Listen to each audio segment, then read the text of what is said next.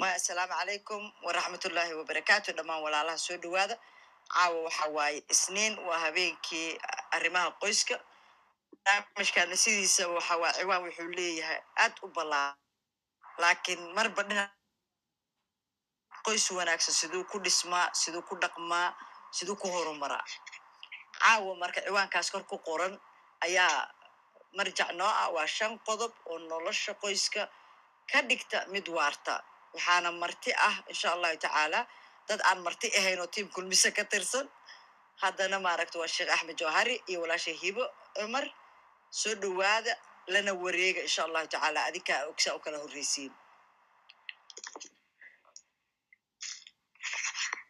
Kusoo dhowo sheekh axmed. Maasha allah tabaaraka allah baarak allahu fiiki aad baad umahadsan tahay walaashay luul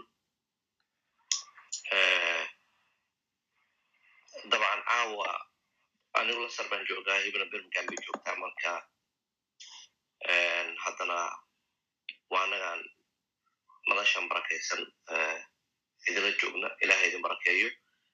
Aad baan ugu mahadinayaa walaalaha isxilqaamay ee barnaamijkan diyaariyey habeen walba waktigooda iyo juhdigooda iyo xoogooda iyo caqligooda gelinaysa ummadooda wax ugu daraan marka ilaahay baa mahadle. Subxaana watacaala inaga dhigay dad muslimiin ah isla markaana dareen iyo dadnimo iyo wax dheer oo ah in aad xisul mas'uuliya inaad dareento ummadaada inay ku baahan tahay. Marka waa wax weyn oo aan la heli karin marka ilahay miisaanka xasanaadka idin saaro waxaan sidoo kale u mahadinayaa macallim hibo oo iyada laftigeeda maanta labiyo toban saacadood shaqaynaysay oo kheerlaha siyaanadi maaragtay walaalaan la wadaagaynaa badal si aan iyagana uga faa'iidaysano anaguna ugu faa'iidayno wixii ilahayna baray la xidhiiray cilmigii bulshada bayn illahi ilkarim marka hiba aad baad umahadsan tahay jazaak illahu khayran intaa ka bacdi waxaan rabaa in aan isla qodobayno shanta qodob. Haddii baidmo waxaan aad uga cudur daaranaynaa. Annaga waxaa caadan noo ah inaan wax yar sheegno kabacdina dadka la wadaagno oo niqaash.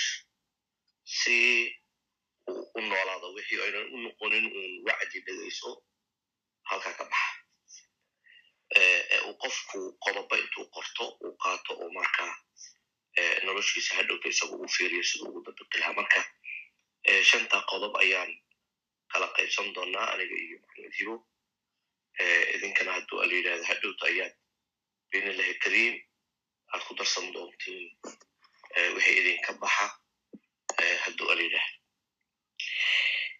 intaas muqadimay ahayd acuudu billahi min shaitan rajim. Bismi illahi araxman araxiim lilahi rabi alcalamin wasali allahuma cala nabiyina muxamed wcala alihi wasaxbihi ajmaciin macallim adhibo muudka haddaad saari karto mike insha allah walaalahay soo dhowaada marka hore haddaan iskiin barno waxaa laga yaabaa dhalinyarada qaarkood inaynan namaqleen unayna ogeyn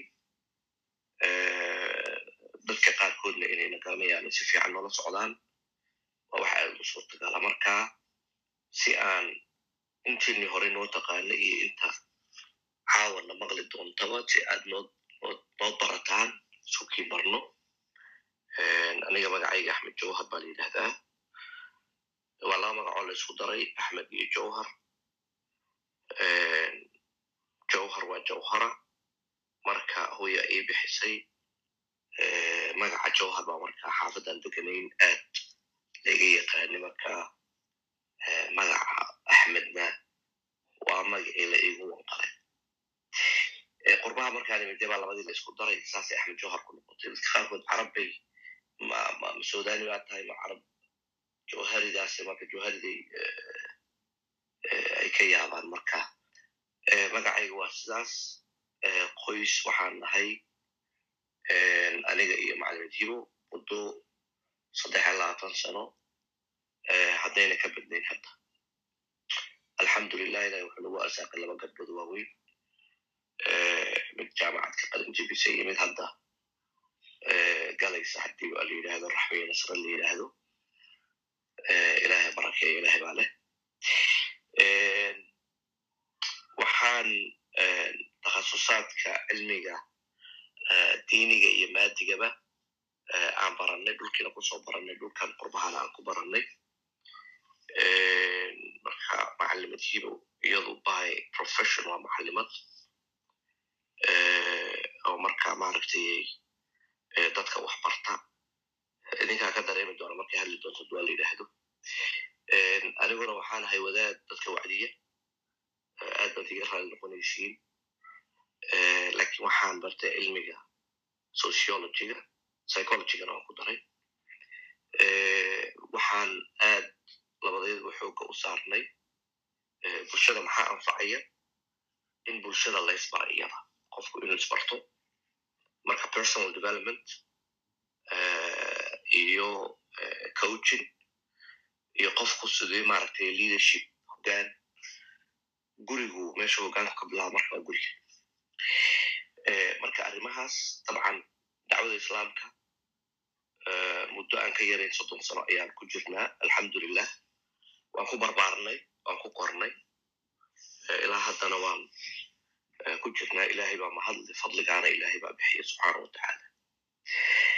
Intaa tacriifka haddaan kaga baxo inaan iskiin barno waxaa laga yaaba meelaha qaarkood inay dadka qaarkood naga fiirsadeen dabcan program la yidhahda happy family academy ayaan samaynay oo koorsooyin aan iyo tababaro dabcan safaro caalamka aan ku wareegno. Safarada ugu xiisa badnaa kuwii geeska afrikaan ku soo marnay muqdisho ka bilow boosaaso garowe hargeysa borama nairobi turkiya istanbul ankara meelo badan oo yurubta sannadkii kiina waxaan tegnay canada. Marka onlinekana casharo badan ayaa ku jiro idaacadaha qaarkood aan ka soo gelaynin marka si aad u ogaataan sidaasaan u bixinaa casharadaas haddii la yidhahdo waxaan xooga saarnaa afar arrimood oo runtii muhiima kow cilmiga kitaabka iyo sunnaha.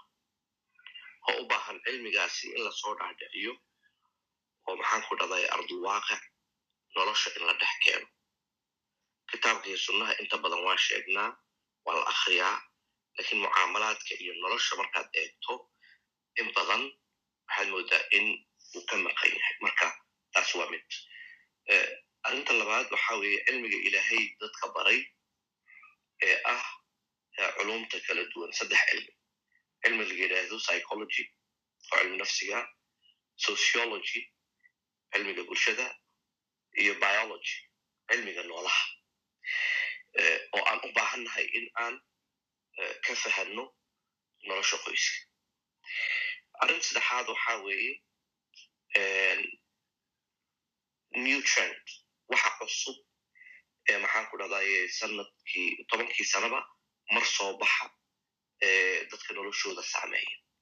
Sidee loola tacaali kara waxaad ka warqabtiin lixi toban sano sideed toban sano ka badan inuu social mediaga uu jiro khaasatan facebooku marka waxbuu ku soo siyaadiyey noloshii dadka waxbuu ka bedelay.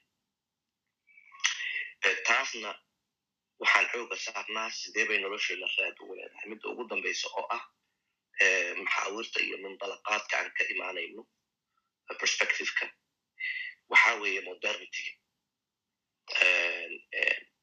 sidee la isku waafajin karaa dhaqankii culturkii soomaaliyeed biicadii geeskii africa iyo cultureka qurbaha ka jira. Iyo qurbaha sida loogu nool yahay sidee la isku waafajin karaa meeshaana isku dhac fara badan ayaa ka jira. Marka intaasaan xooga saarnaa oo aan marka aan wax soo bandhigayno aan qadimayno ay ku salaysantahay marka markaadna dhegaysanayso waxaad ka dhexarkii culumta aan soo sheegnay way ugu muhiimsan tahay cilmiga diinta. Haddaan marka shantii qodob aan ku soo horeeyo midda ugu horeysa midda ugu horeysa waxaan dhahnay xadiiskii nebiga calayhi salaatu wasalaam an yakuna allahu warasuuluhu axaba ilayhi mima siwahuma. Qofka helay xalaawat liimaan qofka iimaanka dhabtaa helay in uu noqdo ilaahay iyo rasuulkiisu ilaahay subxaana wa tacaala iyo rasuulkiisu midka noloshiisa ugu qaalisan ama ugu qiimo badan ama waxa uu ugu jecel yahay ee noqdaan marka qodobka ugu horreeya waa maxay? Cilaaqada adiga iyo rabbi aad isla leedihiin. Waxaad rabtaa inaad nolosha ku guulaysato adduun laakiin xidhiirkii ilaahay subxaanahu wa tacaala waa kaa daciif. Adiga iyo ilaahay subxaana wa tacaala xidhiirkiinu ma toosna ka waran marka waxaad rabtaa noloshu inay ku wanaagsanaato tusaale yar xidhiirkii samadana wuu go-an yahay. Haddii aad rabto in aad ka shaqayso project oo projectigaasi uu kaaga xiran yahay internet cloud connectionkii oo shaqadii iyo connectionkii connectionkii uu khalkhal ku jiro unan omtion lahayn toosnayn oo uu daciif yahay. Maxaad dareemaysaa? Bal qof kasta meelaa ku qorto. Markaad ama ka gal laptopkaaga ama ka gal maxaan ku dhahdaa mobilekaaga haddii ay noqoto in aad projectiga ka shaqayso oo on time deadline lagu qabtood gudbiso lakiin internetka ku hagaagilayahay khadkii waxaan filayaa qof kasta inuu xanaaqi lahaa qof kasta inuu maaragtay frustrated noqon lahaa qof kasta inuu raadin lahaa war yaa ilaah yaqaano naga xali wax. War hal mar waxaanuu naga galo internet. Internetkan ba as maxaa ku dhacay yani waa luqadaha aan isticmaalo. Ka waran marka haddii xariga tooska ahee samada ilaahay subxaana wa tacaala aad lelehay hadduu kala go-an yahay ama hadduu ku jiro kala googo hadduu ku jiro adduunyadu say kugu hagaagaysaa runtii waa su'aal aad u baahan marka qodobkaas waxaan aad walaalaha aan ugula talin lahaa haddaad rabto gurigu inuu ku wanaagsanaa ilmuhu inay ku wanaagsanaadaan noloshu inay kuu fiicnaato bal isku xidh labadan xidhiirka ilaahay subxaana wa tacaala iyo xidhiirka noloshaada oo dhan ee kale isku xidh labadaas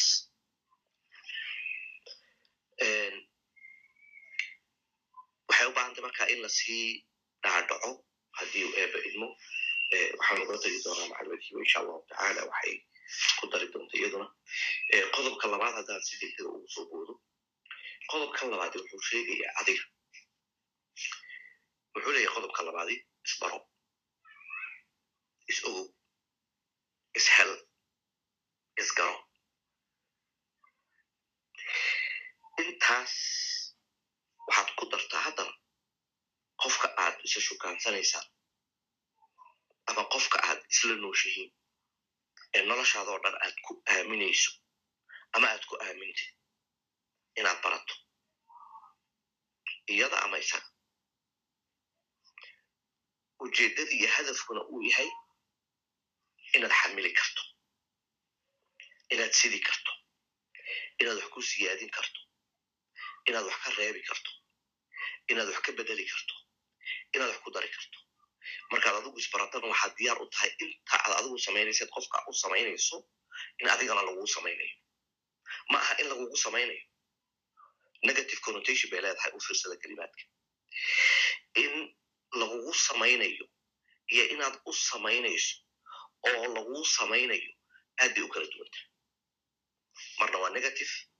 oo waxaad ka dareemaysaa in wax lagaa hadlaynayo in lagu xumaynayo in lagu maaragtay dhibayo ayaad ka dareemaysa lakiin marka lagu leeyahay adaa service laguu samaynaya adaa wax laguu siyaadinaya adigaa wax lagu baraya adigaa wax badan helaya marka lagu leeyahay waxaa ku galaysa baahi ah inaad waxaa hesho inay waxaas ku soo siyaado inaad noloshaadu wax iska bedelaan inaad horumarta ayaad jeceshahay. Qof horumarka ma jiro qof kasi u jecel yahay horumarka marka qodobkaa labaad kuu sheegayaa inaad isbarato oo aad ogaato maxaad uga dal leedahay maxaad ka rabtaa qofkaad guursanayso maxaadse diyaar u tahay in aad siiso maxaad bixin kartaa maxaad haysataa maxaad awood haysaa nebigu alayh salaam wuxuu yiri soo maaha yaa macshar shabaab man baaka falyatazawaj baa'adii marka waxaa lagu soo ururiyey keliya masruufkii. Culummada mucaasiriinta markay fasirayaan masruufka way ka badan tahay. Waxa weeyaan awood oo dhan. Istidaacadaasi waa awooddii caqligii waa awooddii leadershipnimadii hogaankii waa awooddii maarayntii waa awooddii sabirkii waa awooddii maaragtay fiiradii dheeraydee mustaqbalka iyo in aad fiiriso maaragtay vision inaad yeelato iyo inaad reerkan wadi karto markaa saas leeyahay labada qofba waan u jeedaa. Ninka iyo wiilka uma jeeda keliya gabadha iyo wiilka aabbaha iyo hooyada labadaba uma jeeda. Marka inuu qofkii isbarto oo uu raadiyo dhinacyada guriga muxuu u baahan yahay mujtamacu muxuu u baahan yahay. Maanta markaad bilaabaysiin labaatiin laakiin ilaahay cid ba idinka soo dhex saari. Ilmaa iman oo saddex baad noqonaysid waad badanaysid okay ilmo markuu yimaado noloshaadu way isbedelaysaa intee baad diyaar u tahay qodobkaasi waa qodob u baahan keligii in toban boqol iyo toban lagjar in laga dhegeysto karti waxaan ku soo dhaweynay hibo insha allahu tacala hibo soo dhawo barak allahu fik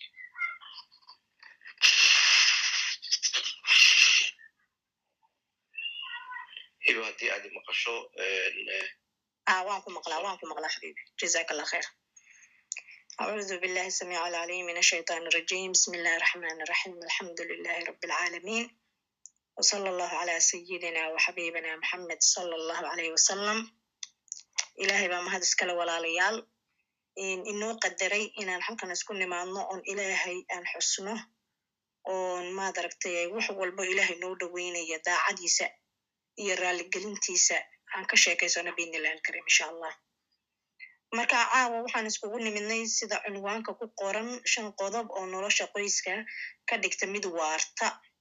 Ayaa ayaan iskugu nimidnay inaan falaqayno oon ka sheekaysano oo cilmigu ardayda ayuu ka dhexeeyaaye aan aad u kala faa'iidaysano insha allah marka walaalayaal waxa weeyaan waxa markaan ka rabno inuu waaro waa inaan horta diyaar aan u noqono oon maskaxdeena ay ka soo go'do. Waxan marada aan soo gatay kabaha aan soo gatay markaan rabo inaan muddo dheer haysto sida aan u daryeelayo iyo sida aan u nadiifinayo iyo sida aan u dhowrayo iyo meesha aan dhigayo iyo qaabka xataa aan ugu soconayo oon tartiibinayo ya waxa weeyaan way ka duwanaanaysaa. Wax aan ahmiyad siinayn wuu ka duwanaanayaa sheyga agtaada qaaliga ku ah sidaad u xifdiyeysid iyo sida aad ula dhaqmaysid waaba isagoo shay ah. Ayaad ahmiyad intaa leegsiinaysaa maxaad u malayn qofka bil'aadankana maxaad u malayn. Oo ilaahay karaameeyey. Uu khaliifa fil ardi u ilaahay ka dhigay. Maxaad u malaynaynaa walaalayaal. Marka mawduucu uu culus yahay wallahi wax fudud maaha waa wax culus. Laakiin ilaahay ayaa noo fudaydinaya. Oo sida ay diintuba ay u culus tahay oo waktiga la jooga hadda dhamac qof gacan ku haya ay ay noqotay diintii ay noqotay marna wuu qabsanayo marna wuu sii daynayo sidaasoo kale ayuu goorkii noqday. Waa waxaad u baahan tahay waa waxaad ka maarmi karin oo handana hayntiisu iyo faraku hayntiisu ay ay culus tahay adag tahay. Marmar ay xanuun badan tahay. Marka marmar waad sii daynaysaa kala teg baa dhacaya furiin baa dhacaya in la kala caroodo in la kala maqnaadaa dhacaysa. Haddana waxaad arkaysaa dadkii oo isku soo noqonaya walaalayaal. Marka bal fahanka guud een guurka ka haysanno horta inaan toosino oon saxno ayaa la rabaa. Aragtida aad ka haysatid hadduu aragtida saxda ah oo ah waxani guurkani ilaahay jideeyey oo sunnihii nebiyada ah oo maad aragtay lagu tarmayo oo ilaahay lagu raali gelinayo oo cibaado ah eeg cibaado weeyaan guurku ya ilaahay ayaad ku raali gelinaysaa qofkan aad la nooshahay way dhaafsan tahay walaalayaal marka waa inaan qodobayno siduu hadalku nooga baahin oon maaragtay tiirar u samayno qofka bilaadanka ah waxa weeyaan waa inuu isagu isku soo jeesto waa inuu isagu isfiiriyo horta intuu qofka kaleba ku mashquulin arrintaasi waa arrin aad aya aad loo dhayalsado oo ama maaragtay la daryeelin amba wakti badan lagu bixin. Waxaad moodaa in hooyadu ilmaha ay ku maqan tahay aabuhu hooyada uu ku maqan yahay laysku wada maqanya ninba ninka kale uu farta ku sii fiiqayo laakiin uu marnaba is odhanayn adigu qaybteed ku leedahay horumarkan qaybteed ku leedahay fashilkan iyo maaragtay dhibaatadan qaybteed ku leedahay wixii horumara waa qof walba uu jecel yahay inuu maaragtay ay anaa laha uu yidhaahdo waxaydi oo anigaa sameyo anaa ka shaqeeyo aniga gaadhsiiye inuu yidhahdo laakiin markay dhibaata jirto amba markuu kala teg yimaado amba marka xaalad adag lagu jiro qof walba waa gaabsanaya. Qof odhanaya ma way yar tahay in yarun odhanaysa aniga khaladkan qayb weyn baan ku lehay amba qayb baan ku lehay qof odhanaya way yaraanaysaa walaalayaal. Marka guurku waa cibaado cibaado ilaahay loogu dhowaanayo weeyaan. Markaan sidaa aan leehay wixii cibaado ah waddadii la marin lahaa waan wada garanaynaa walaalayaal way dhaafsan tahayba aragtidaydu way dhaafsan tahay. Ilmaha uu ilaahay igu arsaaqay iyo zawjka ilaahay igu arsaaqay oo risiqa waxyaalaha arsaaqada ilaahay bay ka mid tahay. Waxaasoo dhan way dhaafsan tahay guurku marka markaan waxaan eegayaa allah. Allah baan fiirinaya walaalayaal. Ya waxa weeyaan bilaadanku iska dhib badan yahay. Ilaahaygii khalqay ee abuure ee dhulkan keenay ayaa qur'aankiisa ku sheegay ma garraka birabbika alkariim maxaa kaasi maxaa kaa mashquuliye maxaa kaasii jeediyey? Rabbigaagi ya ilaahay suuratu naxli waan wada garanayna khalaqa alinsaana min nudfatin faida huwa khasiimun mubiin buu ilahay yidhi qofka bilaadanka ilaahay intuu abuuray oo nudfadaa yar ya canduuftaa yar oo qof walba dhibsanay maradiista inay ka gaadho ayaa laga abuuray markaasaan faida huwa khasiimun mubiin ilaahay nacmu uu ka yaabay addoonkiisa uu ka yaabay sida uu uu maaragtay dooda ugu ugu dheeraynayo uu maaragtay wax walba ugu adkaysanayo oo kufriga uu ugu madax adeegayo buu ilaahay ka yaabay. Iyo waxa laga keenay meeshuu ka yimiday marka waa in aan ilaahay fiirino waa inaan ilaahay u jeedno kadib ayaan ayaa maaragtay waxa kaloo dhan ay noo fududaanayaan. Lianna wax kasta booskiisuu imaanayaa haddii ilaahay aad adigu awoodda aad saartid ood ilaahay dhowrtid wax kasta booskiisa ayuu imaanayaa. Qofka ku xumeeya iyo qofka ku wanaajiyaba waad dhaafsan tahay adigu walaalayaal. Marka waxaan isweydiinaynaa adigu ayaa tahay runtii adigu yaa tahay ya? Guur un baa la leeyahay oo de waaba tan dhaqsadii loo guursado oo carooskii iyo hawshii iyo adduunkii iyo la wada sameeye laakiin adigu yaa tahay. Qof la guursan karoo guur diyaar u ah ma tahay. Qof naftiisa soo diyaariyey oo soo tarbiyeeyey oo soo tababaray oo xataa ilaahumay sanad amba dhowr bilood ku qaadato yidhi maaragtay hanis qiimeeyo oo hanis miisaamo intaanan guurkan iyo hawshan cululus iyo contractigan dheer een dhammaad lahayn waa contractiga ugu dheere adduunka aad saxeexaysid guurku aakhiro xataa waxa weeyaan ma jabayo uu sii socdaa xaaskaagii xaaskaagii unbay ahaan ninkaagii ninkaagii unbuu ahaan haddii ilaahay jannooyinkiisa nagu nagu arsaaqo marka waxa contractiga ugu dheer adduunka oo dhammaan lahayn ayaad saxeexaysaa ogow ya? Wiilkuna gabadha uun yay u muuqan gabadhuna wiilku yuu u muuqan laakiin hawshan culus ee ee la galayo waa inay ku muuqato. Waxaa kaloo isweydiin leh adigu markaad shaksi tahay keligaa markaad tahay qof nuuc baa tahay walaalayaal. Laakiin guur markaad soo geshid nuuc kalaad noqonaysaa ya? Oo mar walba waa kuwa dadku ku celceliyaan qofkan qofkii maaha qofkan wuu isbedelay xataa wanaag buu noqon karaa. Maaragtay wanaag badan inuu kaa arko xumaanun lagama wado. Maya xumaan bay noqon kartaa. Oo qofkan wanaag baaban arki jireen maxay tahay dhibaatadan? Maxay tahay adaygan iyo waxan oo dhan maxay tahay? Ya? Gabadha sidaas ma moodayno waaba gabar wanaagsano wiilka sidaas maan moodayn marka waxa weeyaan adigu ogow markaad guurka ku jirtidna qof baa tahay marka aad bannaanka joogtidna qof kale ayaa tahay. Laakiin waxaa la rabaa oo muhiim ah in labadaa shaksi ay iswaafaqaan ay isku yimaadaan oo hal qof uu noqdo qofkii hal qof inuu noqdo ayaa la rabaa walaalayaal. Sida aad ula dhaqmaysid mujtamaca kale hadday wanaagsan tahay waa inay xaaskaaga amba ninkaagu uu kaa helo maaragtay wanaagaas. Haddii bannaanka aad maadaragtay qof aad adagaad ku tahay oo dhib badan waa in maadaragtay guriga markaad timaadid aad ka duwanaatid ya? Oo gurigu waa maradaadii hooygaagi waa libaas buu ilaahay ku tilmaamay. Bal meesha la dhiga eeg libaas. Wax kaaga dhow libaaskaaga baa jira marada hugaaga aad huwan tahay wax kaaga dhow oo ilaahay abuure maa jira ma jirto maqaarkaagii iyo maradaadiiba isa saaran oo maaragtay isku asturan. Marka halkaasaa la geeyey qofkii meel ka dhow ma jirto walaalayaal meel ka dhow amba maaragtay sifo ka dhow oo oo ilaahay ku tilmaami karay ma jirto. Tii ugu dhoweyd ayuu ilaahay kuusoo qabtay walaalayaal. Marka waxaan rabnaa walaalayaal in aan in aan horta aan aan bedilno aragtida aan guurka ka haysano. Wax walba dadka marka la tarbiyeynayo waxaa la yidhahdaa maadaragtay oo oo oo qofka maaragtay tarbiya la siinayo waxaa looga bilaabaa fahamka wax looga bilaabaa. Shaygan uu baranayo inuu fahmo.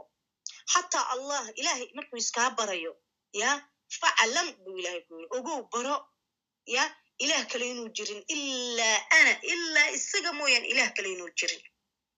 Marka waxa weeyaan barashada ugu horeysa barashadana waxa ugu horreeya inaad adigu isbaratid oo naftaada aad baratid oo naftaada aad taqaanid marka lagu su'aalo qualitigaaga marka lagu su'aalo daqiiqadiiba inaad ku sheegi kartid.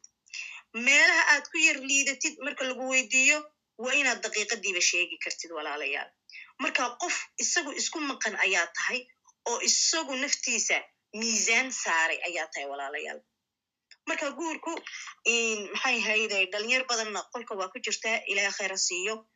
Waa noloshaadii oo idil noloshaadii ayaa la samaynaya wixii intaas lagu soo tababarayay meeshii aad ku qaadan lahayd aad ku dabaqi lahayd weeyaan guurku subxaan allah wallahi aniga baaritaanka iyo akhriska iyo kutubtan iyo barnaamijyadan aan samaynayno waxay inoo furtay ufuq cajiib ah ayaa aniga axmed noo furtay ilaa khayran hano wada siyo dhammaanteen waxay noo furtay in aan fahanno guurka inaan jaahil ka nahayba jaahil inaan ka nahay oon u baahannahay barasho walaalayaal marka maxaa la rabaa? In aad adigu isbaratid personalitygaaga inaad baratid inaad ogaatid past experiencekaagii waxyaalihii ku soo raadeeyey ee maaragtay shindadan amba amba amba bagajkan aad dhabarka ku sidatid eenad arkayn inaad furtid oo soo dejisid ood eegtid ayaa la rabaa. Marka waxyaalaha la soo kulantay sidii lagula soo dhaqmay haddaad guur hore soo martay dhalinyarnimadaadii sidaad ahayd haddaad wiil tahay gabdhaha sideed u arki jirtay sideed ula dhaqmi jirtay maxaad ka yeeli jirtay sideed ula hadli jirtay agtaada qiimo intee leeg bay ka leeyihiin haddaad gabarh tahay sidaasi leeg wiilka maxaad ka fahansan tahay marka waxaa kaloo la rabaa in aad jejebisid amba aad maaragtay iska qubtid wax kasta oo negative ah oo maaragtay keenaya in uu guurkaagu uu dhibaato ay soo gaadho marka negatifyada aad qabtid batanada aad qabtid sifooyinka xunxun eed qabtid in aad iska tirtirtid intii awooddaada ood ka shaqaysid ayaa la rabaa. Waxaa la rabaa in uu guurku waxa weeyaan how to do ba la yidhi eg how to do marriage ba la yidhahda amba how to do relationships. Waaba waa ficil waxani waa action. Waxaa la rabaa in aad dhaqan gelisid ayaa la rabaa walaalayaal marka sideed u dhaqan gelin sideed ficilkan uga shaqaysiin ayaa la rabaa in aan aan ogaano oon fahno. Hadalka waan ku dheeraaday waan isku dhaafdhaafaynaa insha allah anigii axmed. Ilaah khayra siiyo. Waxaan kaloon ku dari lahaa waxaa la rabaa inaan barano walaalayaal oo tiirasha aan ku badbaadayno guurkeennu ku badbaadayo waxaa ka mid a sideen dhibaatooyinka u xallinaa. Sideen u xallinaa. Eeg waxa weyan soomaalida waxay tirahdaa khayr iyo wanaag waxba kaama qaadaye laakiin sharka isku diyaari dhibta isku diyaari waa run khayrka kuu soo ziyaada kuu soo ziyaada laakiin problemska isku diyaari sideed u xallin lahayd ya? Waxaabad aragtaa xaaskaagiyo aad u qaylo badan aad u qaylo badan. Ma mishan baad ka dhigan ma challenge baad ka dhigan ma shaqo ayaad ka dhigan inaad haweeneydaada fahantid waxa keenay inay qayladani halkay ka timiday maaha un qayladu inay kuu muuqato. Wa in aad raad raacdid qayladani oo waxaad arkaysaa natiijadii ayaad arkaysaa oo qayladii ah. Lakin natiijadani maxaa soo sameeyey? Halkay ka timiday qoftani goormay qaylidaa maxaa hayday duruuftay ku qaylidaa inaad u fiirsatid ood u koorgashid ayaa la rabaa ood maaragtay bug iyo qalina haddaad qaadan kartid ka sii fiican aad u qoratid laakiin xaaskayga way qaylo badanta naagtani way i dhibtay ninkani wuu i dhibay. Keliya maaha xal. Marka dhibaatada xariif ma rabtaa inaad ku noqotid sida loo xaliyo wallahi markaad baratidna waa sida imtixaanka oo kale. Imtixaanka marka aad martid oo sanadkan aad ka gudubtid markaad laba sano saddex sano ka soo wareegtood imtixaankii dib u fiirisid de wixii aad shalay la harjadaysay eed la dhibtoonaysay markaad dib u fiirisid wax fudud buu kuu noqonaya wax aad u fudud ayuu kuu noqonaya markaad jaamacadda sanadka ugu horreysa gashid waa la wada garanaya sida noloshaadoo dhan ay isku bedelayso laakiin markaad master qaadatid de jaamacaddii sanadka ugu horreysay maxay kula tahay? Agtaada maxay ka noqonaysaa? Waxba kama noqonayso. Sidaasoo kale weeyaan markaad maanta dhibaato yar xallisid dhibaato yaroo ka weyn ayaa lagu dhiibaya walaalayaal. Mar kasta waxaan idhaahdaa oon casharadeena ku sheegnaa qofka bil'aadanka ah ilaahay ayaa tarbiyeynaya. Lakin waa inuu ogaado tarbiye rabbaani ah inuu ku socdo qofkani. Waa lagu dhalay waa lagu soo koriyey intaasaa lagaa soo dhigay. Juhdi iyo xoog iyo lacag iyo wax walba ayaa lagu soo geliyey. Family dhan ayaa iskugu kaa tegey oo intaa kaa soo dhigay. Kadib waa taabo gashay waxbaad baratay waxaad u hanqal taagtay inaad reerkaaga adigu aad samaysatid family inaad noqotid ood xaas yeelatid ayaad damacday.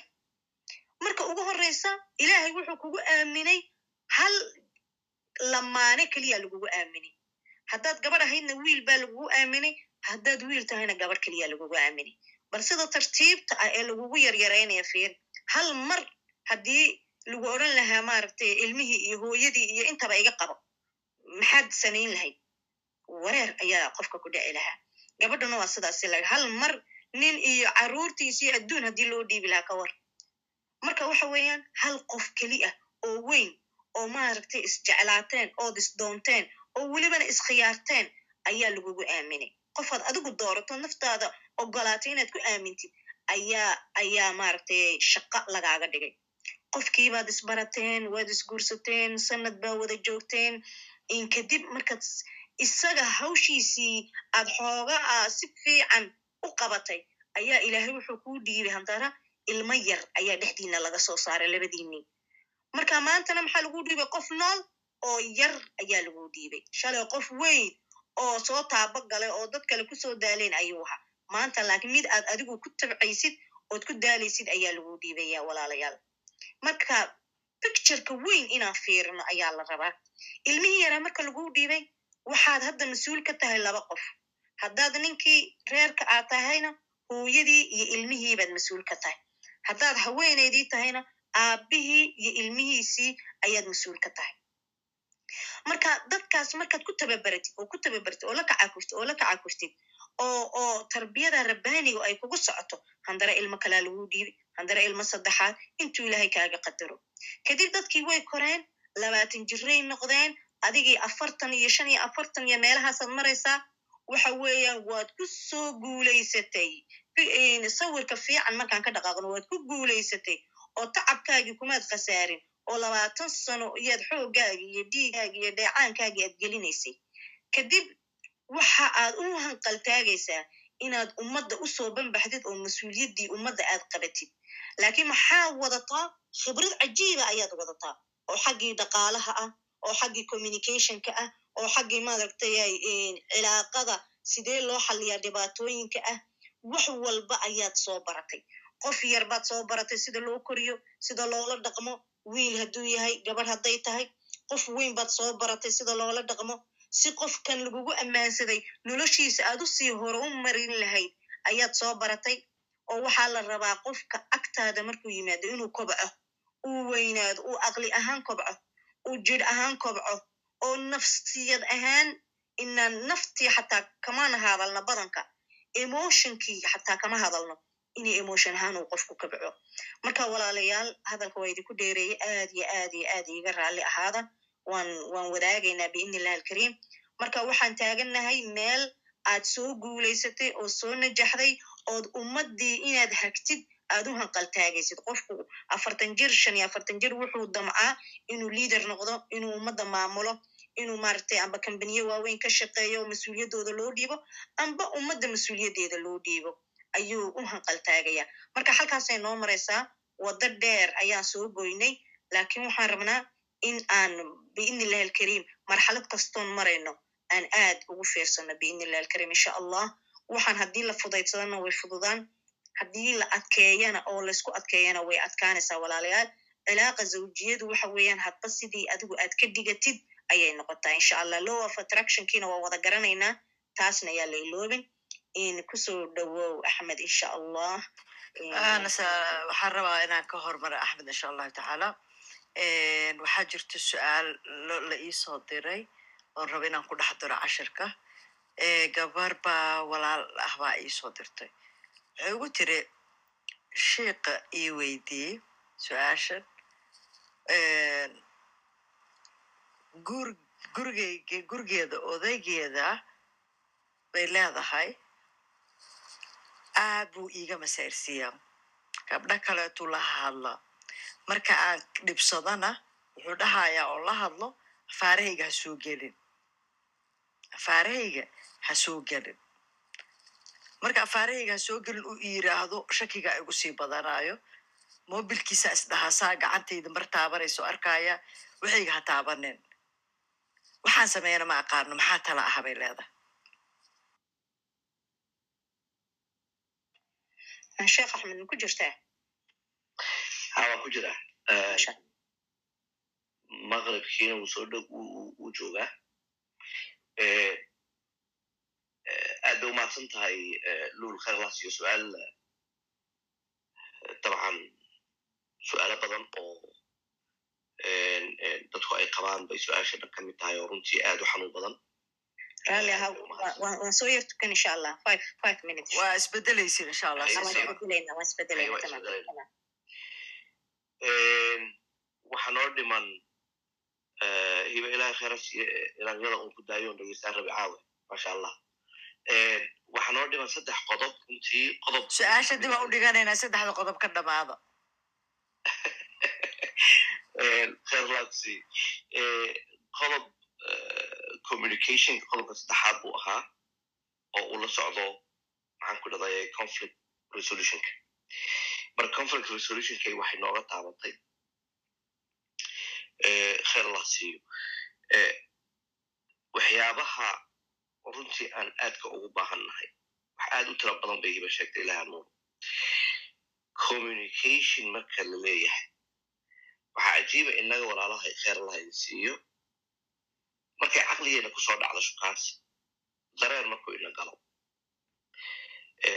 waxaan markiiba isku daynaa oo aan raadinaa in aan helno. Ciddii baahidan iga dhex ciyaysa ee iriixaysa ciddii ii buuxin lahayd. Ciddii ii buuxin lahaydna waa jinsi kale waa qof kale.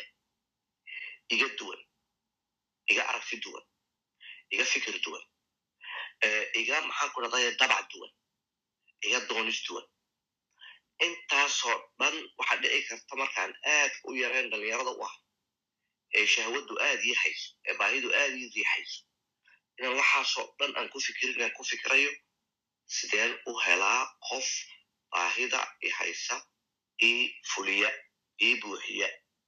Ha.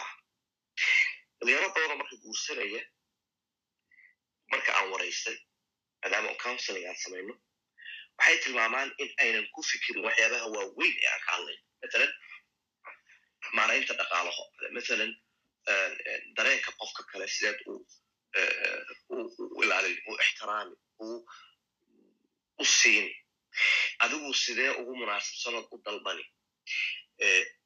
Orbidkii ajendaha kuma jirto maxaa la sameeyaa marka?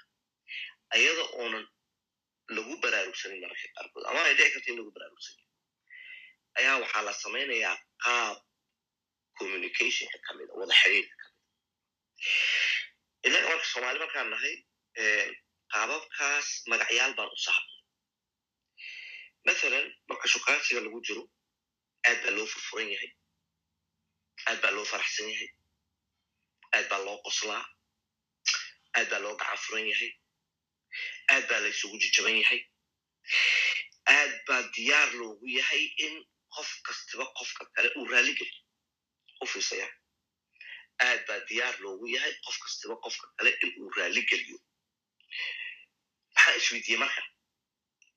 Qofka maxaa qasbaya. Maxaa ka dhigaya sidan uu hadda yahay? Wiilkuna siba u dhaqmaa gabadhuna siba u dhaqanta inta da'ahay e joogtana way soo mareen way ogyihiin. Inta dhalinyarada caawa inala joogtay xaaladda ku jirtana si fiican bay u sawiranayaan oo arkayaan inanku shukaansiga marka lagu jiro aad buu u kafta badan yahay. Dabcan gebigood oo dhan wiilasha oo lama sheegayo laakiin waa sida loo badan yahay. Waa la hadlaa waa la kaftamaa gabadha waxaa la rabaa in la kaxeeyo in laisla soo maaragtay meelaha la isku raaco in haduu alla guuraya wax la soo wada cuno iyada oo la wada socdo oo de meel publica ay tahay kama hadlaya anugu meel cidlo laisla aadayo oo la isla dhuumanayo. Oo waa midii nebigu diiday islaamku diiday nebigu inooga diiy alayhi salatu wasalaam. Uu yidhi laa yakhluwanna axadukum bimra'atin ajanabi midkiin yuunan la keliyoobin haweeney maxaa yeelay shaytaan baa idin saddexeeyo oo isku qurxin kabacdina dee laayaa dhicin marka laakiin waxaan ka hadlayaa shukaansiga ilbaxnimada ku jirta ee xorta la yahay jaamacaadka iyo collejyada iyo maxaan ku dhahday meelaha shaqada iyo meel public oo dadku loo wada jeedo la arkayo dadku ay ku wada sheekaystaan gabadhu maxay samaynaysaa? Iyaduna iyaduna dhinaceeday maaragtay ka dadaalaysaa hadalkan loocan way iska ilaalinaysaa oo qallafsan yana way ka taxadaraysaa in aragiisa iyo maaragtay muuqaalkeedu inuuna way isqurxinaysaa gabadhii waxay iska dhigaysaa xabat alcayn saan oran jirnay annaga dhalinyaradeedii laakiin waa la isguursaday dadki sidaa aan sheegayo way isguursadeen marka la isguursaday guriga la yimiday arrimo aan lagu talagelin baa marka dhaca. Innaga soomali markaan maxaan oran jirnay? Waxaan dhihi jirnay? Ama waxaan dhahnaaba ilaa hadda la yidhahdaa been ku soo xerogeli runku dhaq waa markay ragga noqoto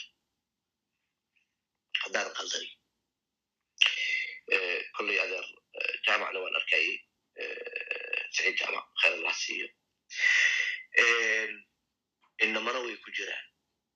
Gabdhana way ku jiraan. Arrintaasi shoog badan bay dhalisay. Maxaa yeelay qofkii shalay quslayay ee shalay farxaansanaa ee shalay gacanta furnaa shalay hadalkii way ku jirtay baan rajaynaya inaad maqlayseen sidaan kuboodaya matid qofkan qofkii aan u haystay ma aha. Okay qofkan maxaa siiyey sawirkan aan rasmi ahayn? Adigaa siiyey.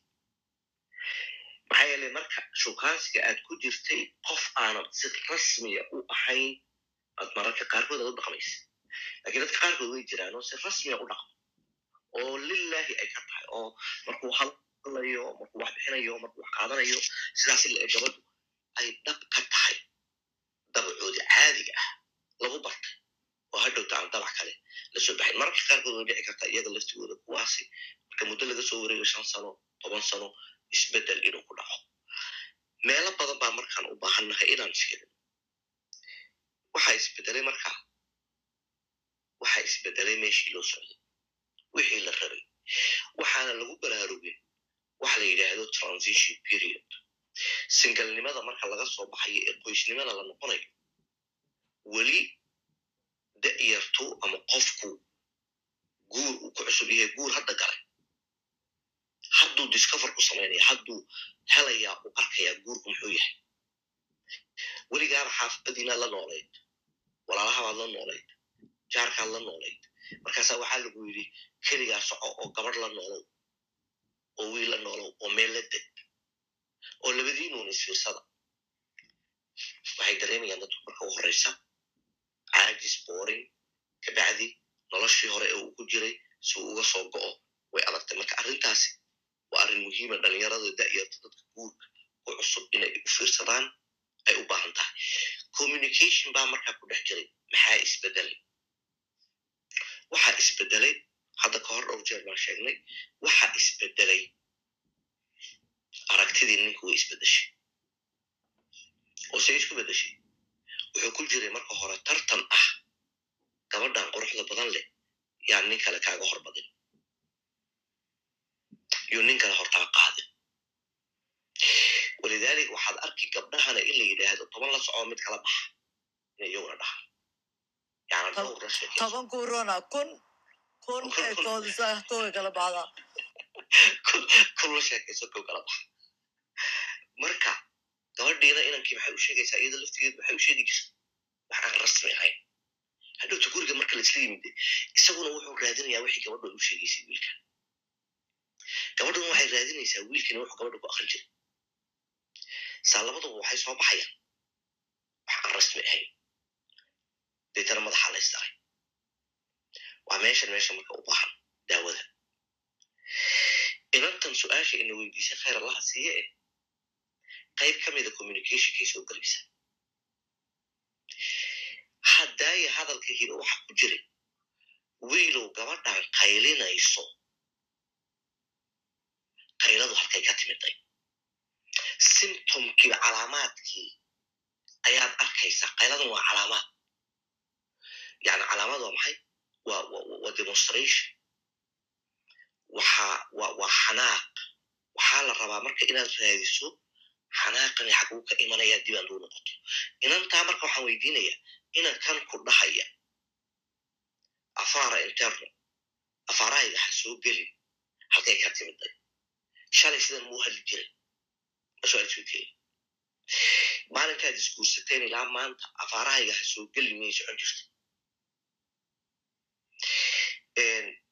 kiiskan oo kale marka wuxuu u baahanya waa kiis maxaan ku dhahday counseling u baahan u baahan identification in lagu sameeyo halkay ka yimaadeen. Inankan maxaa ka dhigay in uu telefoonka ku mashquulo inuu gabdho kale la sheekaysto in kama hadlayo shahwadii iyo hamigii iyo damacii iyo waxa ragga lagu tilmaamay ee magacaanta ragga la siiya kama hadlayo. Waxaan ka hadlayaa maxaa xaaladda sidan ka dhigay halkay ka timiday waa su'aalaha u baahan runtii in la isweydiiyo jawaabta lagu heli karo qofka marka si toosa loo waraysto communicationka shan arrin baan rabaa inaan ka sheega kabacdina aan ka gudbo saddexda labada qodob ee kale noo hadhayna waa laba qodob aad muhiim u ah. Kole intaad dhamayn intaad dhamaynaysaa baayna salaada soo dhamaysata adina aa aadaysaa. Wadamada aan kala joogno iyo waktiyada kala duwan fursad waxaa noo siinaysaa qolka yar qolaba mar ku jirto. Masha allah masha allah qodob qodobka afraad iyo qodobka shanaad waa laba qodob oo aad muhiima waa soo gaabinayna laakiin insha allah ka shanaad baan rabay inaan shan shay ka sheego shan shay walaalayaal qorto billahi calaykum communicationku waa wada hadal marka la wada hadlayana qaab loo wada hadlaa jirta. Waxaa jirta kelimaad lagu hadlo kelmado waxaa jirta tone dhawaq yacna marna. Saraa loo kiciyaa marna. Hoos baa loo dhigaa marna. Stidi buu yahayo waa monoton malihin yacna dhadha kala duwan ma laha sarayna uma kacsano hoosna uma yaallo waa iska meel dhaxad laakiin waa caajis okay waxaa jira meesha lagu hadlayo ma fadhigaa lagu hadlaa ma qolka hurdadaa lagu hadlaa halkee lagu hadlaya waxaa jirta yaa kula jooga meeshaas lagu hadlayo hareerahaaga yaa jooga waxaa sida oo kale jirta maxaa laga hadlayaa what topica iyo shayga laga hadlaya inta badan marka dacwooyinka aan la kulanay ee noo yimaada waxaa ka mid a in qolka hurdada iyo fadhiga iyo carruurta oo haddii ay carruur jiraan carruurtoo joogta in lagu dhaxlo qolka hurdaduna waa maxkamad waa qodobka shanaad ee aan rabnay inaan wax ka tilmaano qodobka qolka hurdada qurxinta qolka hurdada ama physical touch. qolkii hurdada ee nicmadda ahaana maxkamad buu isku bedelay fadhigiina dagaal buu isku bedelay iyo qayl marka arrintaasi waxay u baahan tahay shantaa qodoben aan tilmaamay in aad loogu baraarugo adigu marka aad hadlayso eed qofkan la hadlayso hadafki iyo ujeeddadaad u hadlaysa muxuu yahay okay su'aal baan isweydiinaya muslimiin baan nahay sooma islam baan sheegana. Marka cilmi la sheega waxaa la yidhahdaa maxaa uga baahannaha ninka cilmi gaaleed diintii aan haysanaaba kitaabkii qur'aanka aan haysanaa sunniyo su'aashaan isweydiinaya waxaya intee in la eg baan ku dhaqanaa kitaabka? Qur'aanka ilaahay subxaanahu watacaala wuxuu ina farayaa in aan hadal wanaagsan waquluu linnaasi xusna ayuu ilahay aayad kale waxaad ku tiraahdaa dadka mu'miniinta in ay hadal wanaagsan ay ku hadlaan. Maxaa yeelay fa ina shaytaana yanzaqu baynahum shaydaanka hadalkooda bedelaya intayna dhegtaada ku dhicin markay afkaa ka soo baxdo dhexdu u fadhiya uu bedelaya twistin ku samaynaya hadhowta waxaa waxaa kaasoo anusaa uma jeedin anukan kale uma jeedin. Hadal kalaad dhuri doontaa waxaa u baahanay diinteena markayna dib ugu noqono isweydina when it comes to communication. Islaamku muxuu ina faray diintu maxay ina fartay ma ku dhaqanaa mise kuma dhaqano su'aashaas inaan isweydiino aad baa umahadsantiintii baan soo dhoweynayaa waan soo tukani jazakum allahu khayr asalaamu calaykum waraxmatullah calaykum asalaam waraxmatullahi wabarakaatu ilahay naga aqbala salaada insha allah ilahay dembigeena ha dhaafo cibaadadana ilahayna jeclaysa insha allah runtii waxa weeyaan anigoo ka faa'iideysanaya waktiga yar een haysano insha allah waxa la rabaa in aan guurka iyo hawshiisa oo iska badan oo runtii u baahan falaqayn iyo ka hadal fara badan u baahan oo hal xalqiyo laba lagusoo lagu soo koobi karin. Waa in aan maaragtay aad isku dul taagnana imtixaanada dhalinyarta iyo dadka hadda isguursanaya iyo jawiga ay isku guursanayaan iyo noloshan adag oo imtixaanka wada ah oo dhalinyartii sugaysa in aan iyagana jallenjyada sugayana iyagana ka hadalno biidni illahi alkarim insha allah. Waayo da'dayadan maaragtay waxyaalahan ku soo noolayn iyo da'da iminka isguursanaya waxay ku nool yihiin aad bay u kala duwan yihiin. Waxaan qiimayn jirnay iyagu ma qiimaynayaan sabarkii dadka hore ay hayeen hadda ma hayaan waxyaalo badan ay nooga fiican yihiinoo daacadnimada iyo runsheega iyo maaragtay inay waxba kala qarsan iyo waxyaalo fara badan ay nooga baahayin dhalinyarta ayaa jirta runtii. Marka gabadha walaasheen ah oo su'aasha soo weydiisay xataa anigoo dhex gashanaya waxaad moodaa qofka bilaadanka hinaasaha wax uun maalin keliya soo booday maaha waa wax soo tarmaayey oo soo socday oo soo socday oo soo socday. Marka heerkan ayay hadda ay marayaan.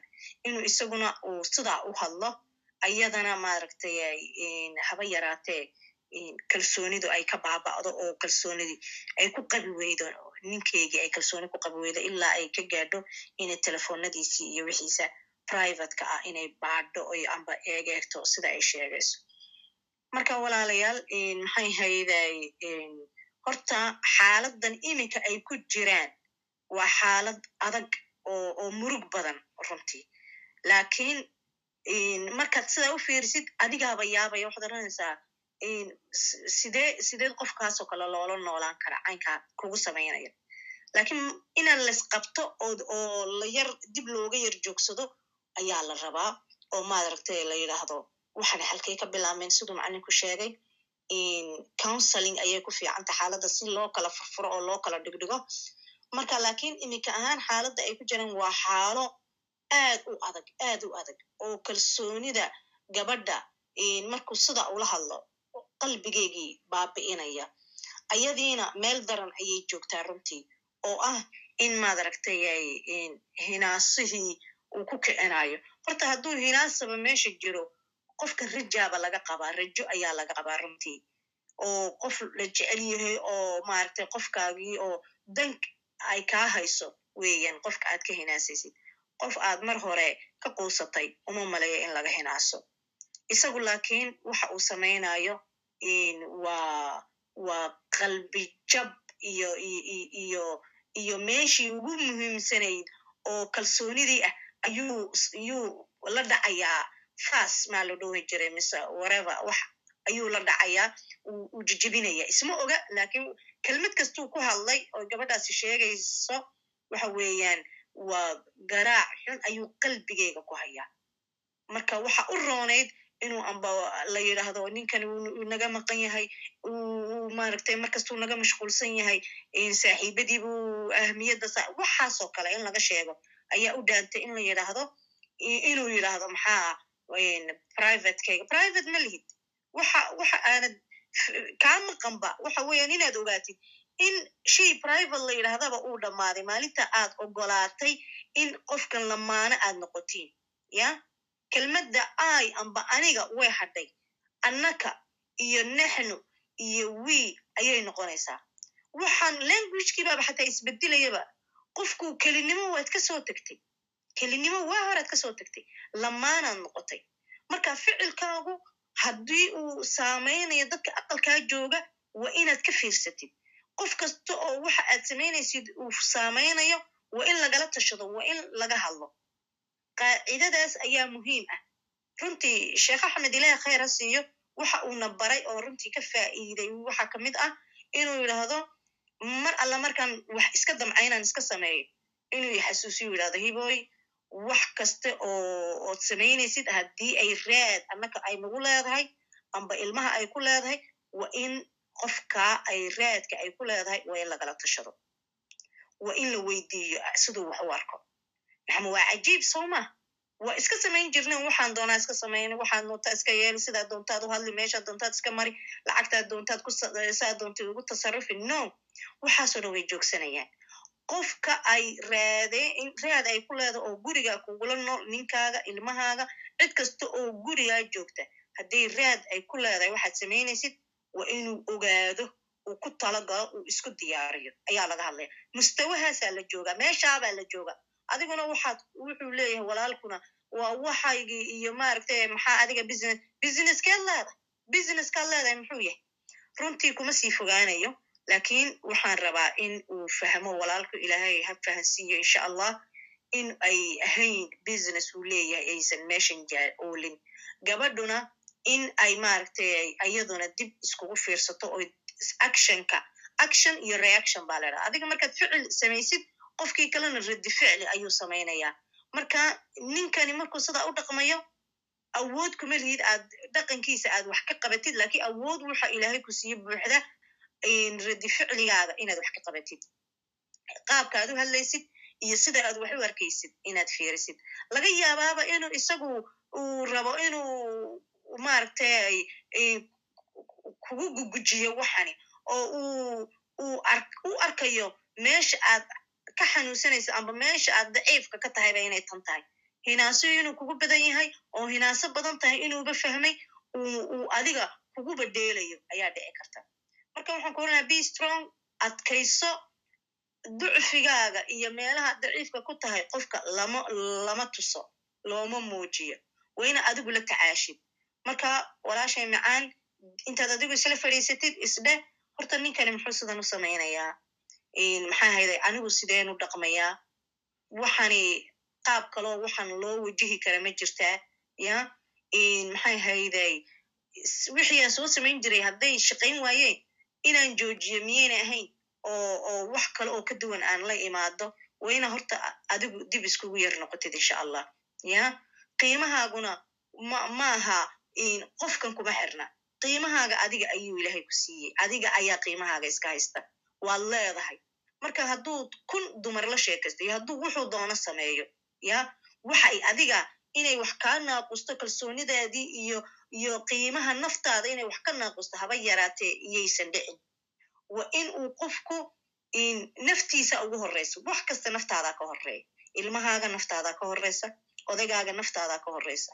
Hadday naftaadu dhaawacanto hadduu qalbigaagu dhaawacmo haddii maskaxdaadu hoosu dhacdo haddii caafimaadka maskaxdaadu ay waxgaaraan ayaa wax waayaya adigaa wax waayaya marka me first waynaad tiraada aniga adduunkan walaa axmed walaa gabdhaha anaa ka horreeya waynaa caafimaadkayga iyo mental healthkayga iyo emotionkayga iyo naftayda aan daryeelo wax kasta oo iiga imaan kara dhibaato ayagana waa inaan iska iska daafici karo oon iska badbaadin karo ayaa la rabaa ummadda kalena saasi leg walaalayaal gurigaaga markaa ka bilowdid waa meeshii aad trainingka ku qaadanaysay dadkii kalena sidaasi leg haddii wax kastoo ninkaagu kugu sameeyo ay ku dhaawacayso ay ku burburinayso oo oo maaragtay adiga dhanba aad kala daadanaysid.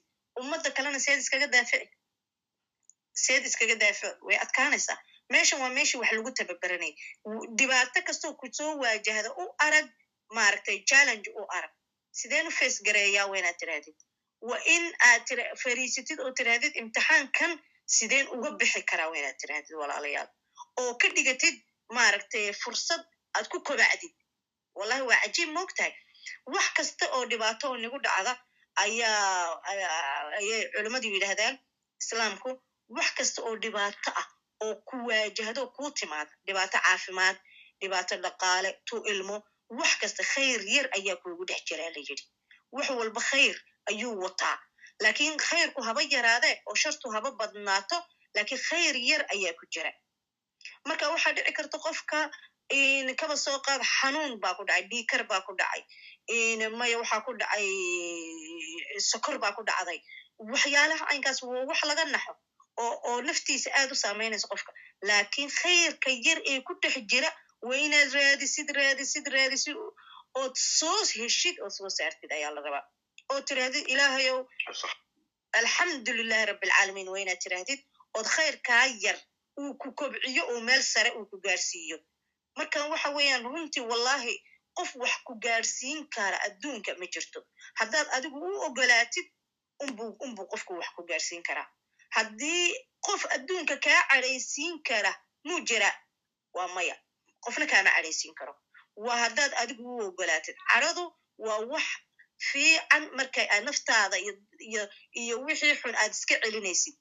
Waana wax xun markay khaalib kaa noqotay adiga dhanba kaa xoog badato ood wax baabi'inaysid. Marka sheekh imaam ghazali wuxuu yidhahdaa markaste balanska waynaa la raadiyo aad baan u jecelahay runtii sida wax u sifeeyey sheekhaasi wuxu uu ku leeyahay kaba soo qaad cadhada meel dhexe markay tahay oo meel dhexaan markay tahay way fiican tahay hadday hoos u dhacdana oo damiir la'aan ayaad noqonaysaa hadday xoog u badatona dee nin waalan oo waxuu arkaba gacanta lugta marinaya ayaad noqonaysaa. Maxaa yeeday khiiradu sidaasi leg weeyaan. Khiirada laga hadlayo waa sidaas ila haddaa khiira la'aan aad noqotidna damiir la'aan baa tahay xoolo waxa ma dhaatid haddii khiirada kugu badatana waswaas iyo bele kale ayay kula galaysaa. Marka meel dhexaad eeg meel wax kasta meel dhexaadka ayaa la rabaa. Ya? Cabsidu hadday kugu yaraato yaraato yaraato waxa weeyaan waxaad ka boodaysaa haadaan kaste hadday cabsidu kugu badato badatana dee fuley ayaad noqonaysaayo harkiisa ka cabsanaya marka meel dhexaad buu yidhahdaa sheekhu meel dhexaadka ayay naftu u baahantay laakiin balanska sidee loo gaadi dadka baabuurta markuu baranayo qofka baabuurka waxaa la yidhahdaa balanskaa yaree markaad ka soo kacaysid uu baabuurku yar garyarayo welina hore u dhaqaaqin gadaalna uu kaaga cararin. Gaarsii meeshaas gaarsii marka lagu idhaahdo marka ugu horreysa way adag tahay way adag tahay. Amba hoos baad uga dhici baabuurkiibaa kaa taraarixi oo amba kaa demi amba waad ku zaa'idiniyo baabuurkiibaa carari. Marka waxa weeyaan power meesha yaree meel dhexaadka ah ayaa biting point ayay yidhaahdaan ingiriisku meesha yaree dhexda ah inaad gaarsiisid oo baabuurkii oo diyaar u ah inuu dhaqaaqo handare aan dhaqaaqayn halka inaad ku haysid ayaa la rabaa walaalayaal marka wax kaste wax kaste waa barasho wax kastana cilmi kama soo haraan wallahi maxay sidan iigu dhacday iyo maxay sidan iigu dhacday? Waa run waa la isweydiinaya oo qofku uu baahan yahay su'aasha in laga saacido oo in la caawiyo uu baahan yahay. Laakiin waxaa ka wada awood badan oo ka xoog badan ya awoodda ilaahay uu ku siiyey. Jir ahaan iyo maskax ahaan awoodda ilaahay uu ku siiyey ayaa wax walba ka weyn.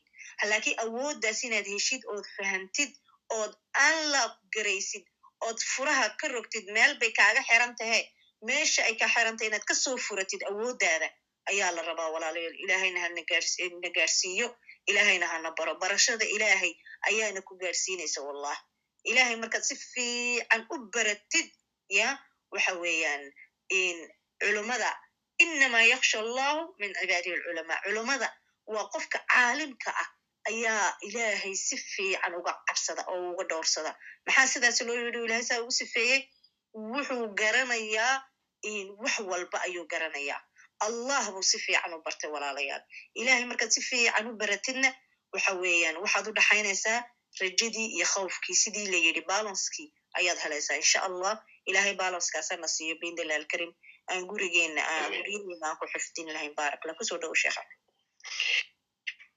aad ud mahadsanta hibo maadaama waktigii dheeraaday waxaan ka cudur daaranaynaa baraka allahu fiikum waxaan ku soo wareejinay luul labada qodob ee kale maalmaha dambe ayaan ku dari doonaa insha allah. Insha allahu tacaala.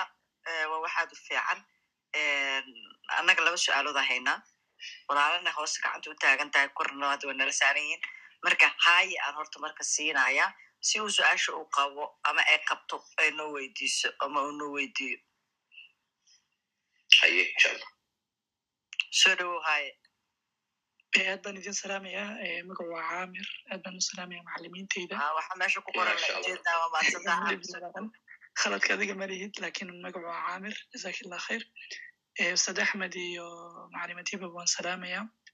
Kolley qoraalkiina soo arka facebook soo arka waan idin soo raacay inaan idinka faa'iidaysto? Marka masha allah shantan qodob baan xiiseynayay. Wax su'aalana maqabo mahadsan idin. Aad ba umahadsan tahay. Waxaa su'aal hayso oo noo akrin doonto. Su'aashaas farxiya. Farxiya mud ka soo baxa. Assalaamu calaykum waraxmatullahi wabarakaatu. Kulligiin waa idin salaamaya dhammaan. Inta meesha ku jirta.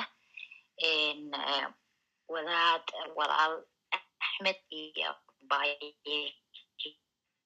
waad mahadsantihiin sida dadka tiran ee aad maanta dhan waxaad aqoontiina noola wadaagteen waad ku mahadsantihiin aad iyo aadna abaayo hadda markii u dambeysay siday gabdha gabadha uwaanidaysa qof walba gabar walbana ee hore ugu horeyso nafteeda ee u dhiragelinaysa aad bay ugu mahadsan tahay su'aasha aan hayaa waxay tahay gabar baa waxay tiri ragga markii horta waatay abaayo hibo tiri elier fahan baa loo baahan yahay guurka.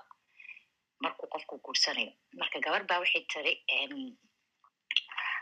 ragga marka ugu horey ay guurka soo gelayaan waxay ku soo galaan iyagoo maskaxdoodu ku jirto aniga afar gabdhood baa ii banaan mar alla markaan doonana waan guursan karaa. Marka gabdhihiina maxay ahayd horta diinta waxay ka qabto idinkaa culamadii ah oo naga badaya diinta wa waan ognahay afarta way banaan yihiin laakiin siday ku banaan yihiin qofka baahida uu qabo markaas marka wiilka hadduu maskaxdiisi alreadyba uu qabo in uu xor u yahay inuu gabar kasta la hadli karo hadda su'aashii u dambeysay gabadha soo weydiisayba ninkayga gabdho kaleu la hadlayaa maxay ahayd talay aniga markaan weydiiyana wuxuu leeyahay maxagaa galay taas waxaa keenaysa bay tiri gabadhaas way dhegeysanaysa waxay tiri inay raggu ku soo galaan mentality ah inay afar ay u bannaan tahay marka culimada mar walbana waxay wacyigeliyaan gabdhaha oy mar walba u sheegaan inay raggooda adeecaan oo ay marwada ay ragge ninkeeda adeecdo oy jannada ku gelayso marka maxaynan mar walbaba u adress garaynayn oo sidii gabdhaha loogu soo barbaariyey oo loogu soo sheegay aanan ragga loogu sheegaynin xuquuqda ay xaaskoodu leedahay oo haddana maxay ahayd laan loo sheegaynin maaha afar in lagu baneeyey maaha inaad markaad doonto oo aad rabooto aad guursanaysid inay baahi ku ku qabato amaba aad u baahatid amaba awood aad u leedahay. Loogu sheegi waayo culimada mar walba ee gabdhaha u adres garaysaayo ina ragga u adres garaynin gabadha intaas bay tiri waad mahadsan tihiin? Marka jawaabta waa xaggiina.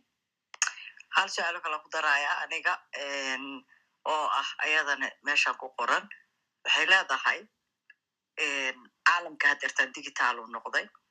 Culummada markay ragga la hadlayso meel kasta ay joogaan way duubaan. Mujtamacoo dhanaa dhegeysta waxaa ka faa'iideysta mujtamaca ragga ah meel kastay joogaan.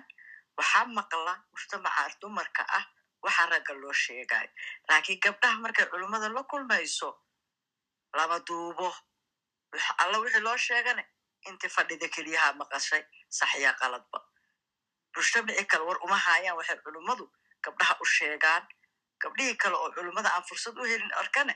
Kama faa'iideysan karaan oo war uma haayaan sababtaasi maxay tahay wow bismillahi raxmaan raxiim malaha caa waxaan u malaynayaa waa waa. Aniga macalimiintii waan gacan galay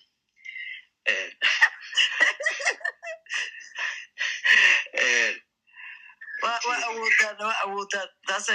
Ku faraxsanahay erta farxiye iyo lul khayr lahadisiyo laba su'aalood oo labaduba aan is leeyahay midba miisaankeeday leedahay.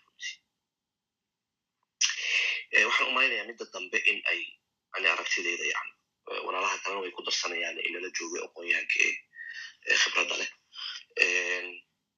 waxay ku xidhan tahay ma u malaynaya anigu inay diin tahay maxaa midda ragga marka la sheegayo loo duubaayo loo maqlaayo caalamka loo faafiyaa markay gabdha mahad tahayna aan loo maqlaynin inay diintu sidaas tiri oo sidaa hala sameeyo oo ragga keliya uun wuxooda hala maqlo qabdha hala qariyo horta anigu ma arkin ma ku korin ma ku dhaqmin ma ku noolaanin system caynkaas wayse dhici kartaa dadka qaarkood in ay la soo kulmeen ay soo arkeen habase ahaato markaan wax isweydiinayno waxa aan ka dhaqaaqaynaa ee u horreeya horta waa cilmiga kitaabka sunnada kitaabka iyo sunnada qur'aanka miyay ku taallaa in waxa ragga un la sheego oo waxa gabdhaha la qariyo barha laga soo saaro anigu ma arkin xadiis dhahaya miyaa jira oo nebiga miyaa laga soo wariyey. Waxa ragga hala sheego waxa gabdhaha hala qariyo. Ayadana maan arkin haddii aragti ha ii keento. Waxa intaa iga soo haray waxa weeyaan dhaqan.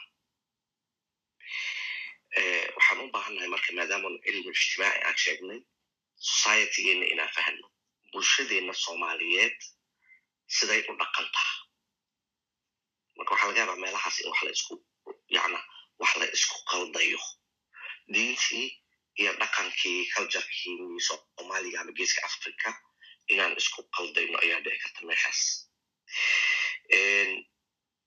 Dhaqankeena soomaaliga waa dhaqan u badan intiisa badan male dominated society maadaama u nahay nin nin nin nin. Inta badan haweenka waa xagga dambe. Maxaa ku dhadaye warkooda in la maqlo waa wakti dambe. Marka taasina wax sal iyo raad kula diinta. Runtii ma aha. Bilcagsi anigu waxaan qabaa waxay ku xidhan tahay dadka waxaan samaynaya ee organis garaynaya inay duubaan ay caalamka gaarsiiyaan maanta digital baa la joogaa waa in la gaarsiiya rag iyo dumarba haddii laga waday su'aasha xuquuqda ay raggu leeyihiin waa la maqlaa inta badan xuquuqda laakiin gabdhuhu leeyihiin inta badan lama maqlo haddee waxay ku xiran tahay waa arrintiiba ka hadlaysa ilaha khayra ee dhiiranaanta gabdhaha iyo kalsoonida in la dhiso u baahan gabdhuhu iyagaa maaragtay meel walba xaadira meel walba taagan meel walba jooga haddii masaajid yahay haddii ay maaragtay xaflad ay tahay meel kasta iyagaa jooga iyagaa laga rabaa marka ay diin iyo wanaag iyo ixsaan duubay ay noqoto in xuquuqdii gabadhu ay lahayd marka la sheegayo in in maaragtay la duubo oo la badiyo. Marka kuma dheeraanayo ragga sidaasi la eg dhalinyarada aqoonyahanka culummada dadka wax jeedinaya iyaga laftigoodu waa waajibaad saaran waa mas'uuliyad saaran in labadan qof qof kastaba xaqiisa si siman loo sheego taa intaasaan kaga baxaya ama su'aashii ahayd dabcan hibana way ku darsan doontahay iyo walaalaha kale su'aashii ahayd nimanku waxay la soo galaan guurka afar baa ii bannaan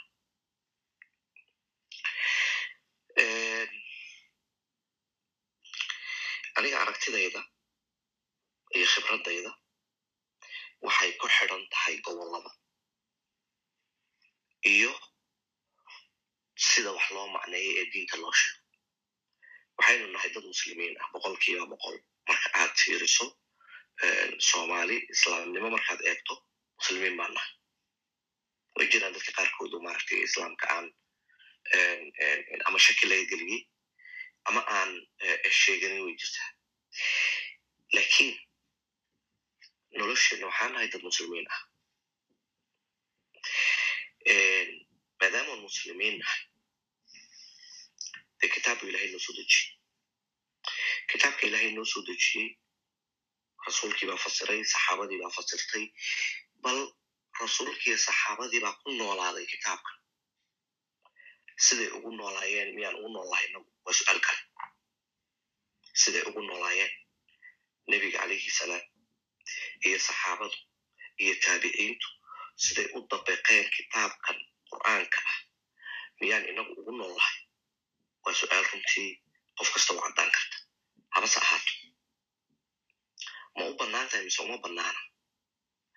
Qur'aanka marka la sheegayo la iskama odhano ninku afar buu guursan karaa ee shuruud baa lagu xidhay waxaa laga rabaa cidda la soo gelaysa afar baa ii bannaan inay keensato shuruuddii loogu baneeyey afar inuu guursan karo laakiin looma diidin dee uu guursan karaa baa la yidhi sooma ha. Shuruud baana loo sheegay soo maha shuruuddii hala yimaado qof meesha waxa iiga muuqata aniga cuqdad inay jirto ka soo bilaamatay shukaansigii hadalkanna wiilasha laga maqmaqday baryahan dambana afar xaasli iyo social media maadaama wixii faafiyey meel kastaba ay gaadhay aniga waxaan arkaa dhalinyaradu ha iskama soo galaane nolosha qoyska marka la soo galo walaalayaalo see loo noolaadaa aniga waxa iiga daran dadka caqligoodu wax maqlay afar baa kuu bannaan waxa iiga daran dadka guriga markay soo galaan qoyska ay dhisaan haddana markiiba furaya markiiba burburinaya markiiba ka jabayo waana karsamaha waxaan u baahanay marka in aan toosino educationka educationka halkee ah educationka diinta inaan toosinaan socono waa lila fahmaa rajeynaya qaabka loo soo bandhigayo arrintan baa loo baahan yahay arrintan waxay u baahan tahay waa mas'uuliyad waa xil waana awood qofku haddii uu awooddii leeyahay sababihii uu ku guursan karaa la yidhina ay meesha taallo qasab ma aha in loo diido. Tusaale yacna xoolana qofku u haystaa kow labo xoogna uu leeyahay.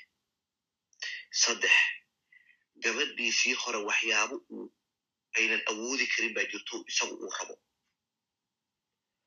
Shahwaddaa ka mid ah ilmaha ka mid ah iyo waxyaabo la xidhiida urfiga oo maxaan ku rahday kastamka ah dhaqamada waxaan u baahnay marka inaan u qadarino meesha la joogo haddii ay soo galayso kastamka tusaale yar waxaan leenahay inagu wax la yidhaahdo duubab malaaqyo boqorro ogaasyo waxyaaba caynkaasaan leenahay. Dhaqamadaasi waxay sheegaan waxyaaba qaarkood in maxaan ku dhahdaye qofka caynkaas oo kale ah in maaragtay reeraha u badiyo. Maya waxaa la yidhahdaa dumaal ayaa jirta oo iyaduna laftigeedu ah social security waxa la yidhahda oo systemkeena soomaaliga ama systemkeena muslimiinta in ilmihii uu walaalku ka tegey iyo gabadhii uu ka tegey dhaqankeena waxaa naqaanaa in odagii oo siddeetan jira in loo dhisayo gabadh yar oo maaragtay labaatan jir ama soddon jira ilmahay dhali isagoo odaygii iska tegey ilmihii iyadii yaa u maqan marka arrintan marka afartu waa xal ilaahay u keenay ummadda muslimiinta ah laakiin qaabkaan inagu u dhaqan iyo sida ay dhalinyaradu u dhaqmaan dee mararka qaarkood ma aha wax ku salaysan diinkii arrinta emotion. Waa arrin u baahan in lagu baraarujiyo wiilasha gabdhaha emotionkooda inaan lagu ciyaarin bal in la ixtiraamo oo la qadariyo oo la ilaaliyo la dhowro eg diinta saxdii taasay nafaraysa ninka waxaa laga rabaa gabadhan wax kasta oo dhib u keenaya inuu ka ilaaliyo iyadana waxaa laga rabaa in ay adkaysigeedii ay isbarto oo ay samayso meeshaan marka waxaa dhacay oo aan dhahnaa laba isdiidan is-inkarsan labadaas oo ayo waa ragga oo damac leh iyo dumarka oo dareen leh. Masayr. Ninkuna masayrku diidan yahay. Gabadhuna damacay ninkay diidanta labadaanaa marka isku dhacaya. Haddaan soo ururiyo waxa aan fahmi laanahay nolosha qoysku maxay tahay mas'uuliyadda qoysku maxay tahay baahida loo baneeyey ee afartu maxay tahay haddaan intaan fahmi lahayn waxbay nagama burbureen gabdhuhuna ma qarxeen nolol macaab baa lagu noolaan lahaa afarna waa la guursan lahaa runta marka laga hadlo waxaan ku soo dhaweynaya hiba waan ka baxiraan barakallahu fik jazaak allah khair jazaak allah khair walaalkay runtii waxaan anigu waan soo yar koob insha allah saddex nuqdadood un baan ka fiirin saddex janib janibka ugu horreeya waa mid aan ka cabsanayo inay nagu dhacdo oo ah sidii maad aragtay dadkan krishtanka ah amba dadkan aan islaamka ahayn. Markay islaamka qaataan oo diinka islaamka ay qaataan. Qof kasta oo islaamka waxa uga sheegaya waxay moodaan diinkii inuu sideeda u sheegayo subxaan allah uu cadaalad falayo diintii ayay moodaan. Markaasay qaataan nin baa waxaan aqaanaa anigu caddaan ah oo oday weyn ah. Wuxuu yidhi kambaniyaan lahaa reer baan lahaa mar alla markaan muslimay xaaskaygi waa layga furu yidhi. Kambanigaygi waa layga baabiyo yidhi. Waxaanoo dhan faraha kala bax baa layidhi cidla markii laysoo dhigay ayaa layga dhaqaaqay buu yidhi. Dad muslimaana sidaa igu samaynayo waa diin iiga dhigay buu yidhi. Ma garat markaabaan waxaan arkay buu yidhi iyagiyo business ku jira oo reerahoogii haysta oo anigana aan cidlo taaganay ninkaasi islaamka iyo diinka ayaa lagu diri gaaray. Marka waxa weeyaan sidaasoo kale inay nagu dhacdo ayaan ka cabsanaya. In aan qof kastoo camaamad soo xidha amba khamiis soo xidha oo sheekh baan ha yidhaahdo horta titlekan cidda siisaaba la garanayni. In aan dhegaysano oo oon wallahi nidhaahno sidii uu diinka uu isagu gacmaha noogu hayo kala camal. Ya marka waxa weeyaan culummo fara badan oo waxaa jirta culummo yaan dhihine dadkan shuyuukhda isku sheegaya oo fara badan oo waxaa jira ilaahay iyo diinkiisa kugu diraya. Oo maaragtay qalbiga aad shaygii ka nacaysid shaygii oo dibsanaysid ood handaro isleedahay liq qaraarka ku qaado waa diinkii aad leedahay. Wax horta sidaasa maba jiraba diinka islaamka kumaba jiraba wax dib intuu kuu keeno handare aad qasab ku qaadanaysid adoo isla waa diinkaagii qaado kumaba jiraba. Wax kasta wanaagaaga iyo khayrkaaga iyo nimcadaada meeshay ku jirta diintani kuu wadaa marka iska ilaaliya oo dadoo dhan ha iska ilaaliya filter inaan qaadanaa la raba oon shuyuukhda kala filterayno oon oon dadka macquulka ah oo maskaxdii iyo cilmigii isku daraya oo maaragtay si loojiga wax kuu fahansiinaya inaa wax laga qaato kaba soo qaad waagii iraaq la galay oo habeenkii iraaq la baabi'inayay oo dagaalkii ugu horreeyey waxaad arkaysa culummo fara badan oo oo maaragtay janaalada carabta ka soo gala oo ka hadlaya gabadha sida loo furo nifaaskeega xaydkeega hadda iraaq waddan dhan oo taariikh qadiimiya leh ayaa la baabi'inaya iyaguna naag sida loo furiyo sida loo qaba ay ka sheekeynayaan ma u malaysaa kaasi inuu inuu horumar kaa gaarsiinayo diinkaaga uma malayo anu uma malayo to be honest culummo fara badan oo agteeda cross weyn saaran ayaa jirta qaabka ay u hadlayaan markaan eg waxaa loo baahanya inaad diinkaaga aad baratid si aad shaandhadaas amba filterkaas aad u heli kartid inuu qofku diinkiisa uu barto ayaa la rabaa nimcadda ku jirta diinkeenna iyo haweenada siday ugu nimcaysay iyo maaragtay meesha lagu gaarsiiyey markaad diinkii baratid ayaad ogaanaysaa walaalayaal intaad jaahil diinkaaga ka tahay ood furihii diinkaaga aad qof kale u dhiibtay sheekh a isku sheego wuxuu doonaa isku sheege ood isaga un wax ka sugaysid dee cagtaa hoostiisa ayaad ku jiraysaa ragguna sidoodaba diinka waxay u isticmaalaan wixii dantooda ku jirto ninoo dhan waxa weeyaan waxaa looga shiki qaba amba looga baqaa hadday dantiisu ay ku jirto diinku waxay sheegayso inuu maaragtay buunbuuniyo haddayna ku jirinay ka hor imanaysana inuu ka aamuso marka qofka bilaadankaaba wuxuu mar kasta u iishaa wixii dantiisu ku jirta ayuu iishaa taahan iska ilaalino waxaan kale oon ku darayaa sidii reer bani israa'iil tiihii markii nebi muuse ay diideen tiihii ilaahay ku riday afartan sano ay wareeganayeen oo wareega caddaysanayeen oo loo diiday inay galaan baytalmaqdis inay galaan sidii oo kale inaan annaguna aan sugno oo jiilka waxaa la yidhi maxaa afartan sano loogu xukumo dadkii hore ee maaragtay maaragtay soo caabuday dibigii ee fircoon soo arkay ee nebi muuse dhibay ilaa intay ka dhimanayeen baa la sugay afartan sano jiil baa ka wareeganaya jiil cusub baa soo baxaya marka jiilkii cusbaa oonan waxaasoo dhibaato ay kuwan kale ay geysteen waalidkood ay geysteen aan arag ayaa u gargaaray diinkii ayagaana loo ogolaado oo galay sidii baytalmaqdis ku qabsaday oo ka saaray gaaladii haysatay marka waxa weeyaan anaguna sidii oo kale ayaan ka baqayaa inaan ku jirno oon sugno ubadka aan dhalnay oo nadiif ka noqonaya jahliga iyo iyo dhaqanka lagu abusayo haddii weeyaan shardi weyn baa ku xiran haddii diinka la baro oo dad maaragtay xadaaro iyo horumar intay gaadheen maskaxdooduna qashin fara badan uuna gaadhin hadday noqdaan kuwaas unbaa rajo weyn laga sugayaa. Walaalayaal noqdada labaadeen ku daray waxa weeyaan dumarkeen haddaan dumar nahay annagaa cadow isku ah. Maadaamaan cadow isku nahay wax badan yaanaan ragga eedayn wax badan yaynaan ragga eedayn. Haddaan xaqiiqada ka hadalno oon ilaahay ka baqno. Waxaan cadow iskugu nahay ninkan aad ka cabanaysid hooyo sidaadoo kalaa soo saarto gurigeega ka soo baxay. Marka raggan aan la wada nool nahay amba aan ka cabanayno waa productigeeni waa waa guryaheenna wixii ka soo baxay marka adigu wiilkaaga bal u fiirso wiilkaaga maxaad la jecesha sidee ula dhaqmaa? Ya? Seed ula dhaqantaa wiilkaaga? Waxa waad iska jeceshahay haddii ilaahay laga baqo waad iska jeceshahay wiilkaaga inuu laba guursado afar guursado waad iska jeceshahay ya? Waad la jeceshahay. Dadka badankoogu inay sidaas ku dhacdaa dhici karta. Gabadhan hadduu iska furo war way dhibtee baguu furay. Inaad si fudud ku tidhaahdid ayaa dhici karta. Marka dumarow annaka cadow isku ah waxaan cadow iskugu nahayna waxa weeyaan raggan waxaasoo dhan may sameeyeen gabadh nafteeda qiimaynaysa oo sharaf leh. Hadday arki lahaayeen awal aniga da'dayda ka soo qaad. Dhowr iyo afartan jir baan yaan jiraa haddii markaan dhalinyar tahay aad baa looga xeshoon jiray nin reella in la guursado. Aad baa looga xeshoon jiray ceeb ayay ahayd. Waa laga fogaan jiray. Ninka xataa shugaansiga badan leh akhlaaq lahayn waa laga waxyaalo fara qiimay lahaayeen gabdho. Ya marka waxa weeyaan imika wax badan ayaa qiimo jabay oo gabdhihii waxaabad moodaaba in iyagu is is is maaragtay ay iska kor qaadayaan raggi oo leeyihiin ninka fiican maxay u haysan? Annaguba nin fiican waan u baahana ya? Marka ninkiio reerle in la shukaansanayo oo maaragtay wax kasta loola imanayo ayaad arkaysaa.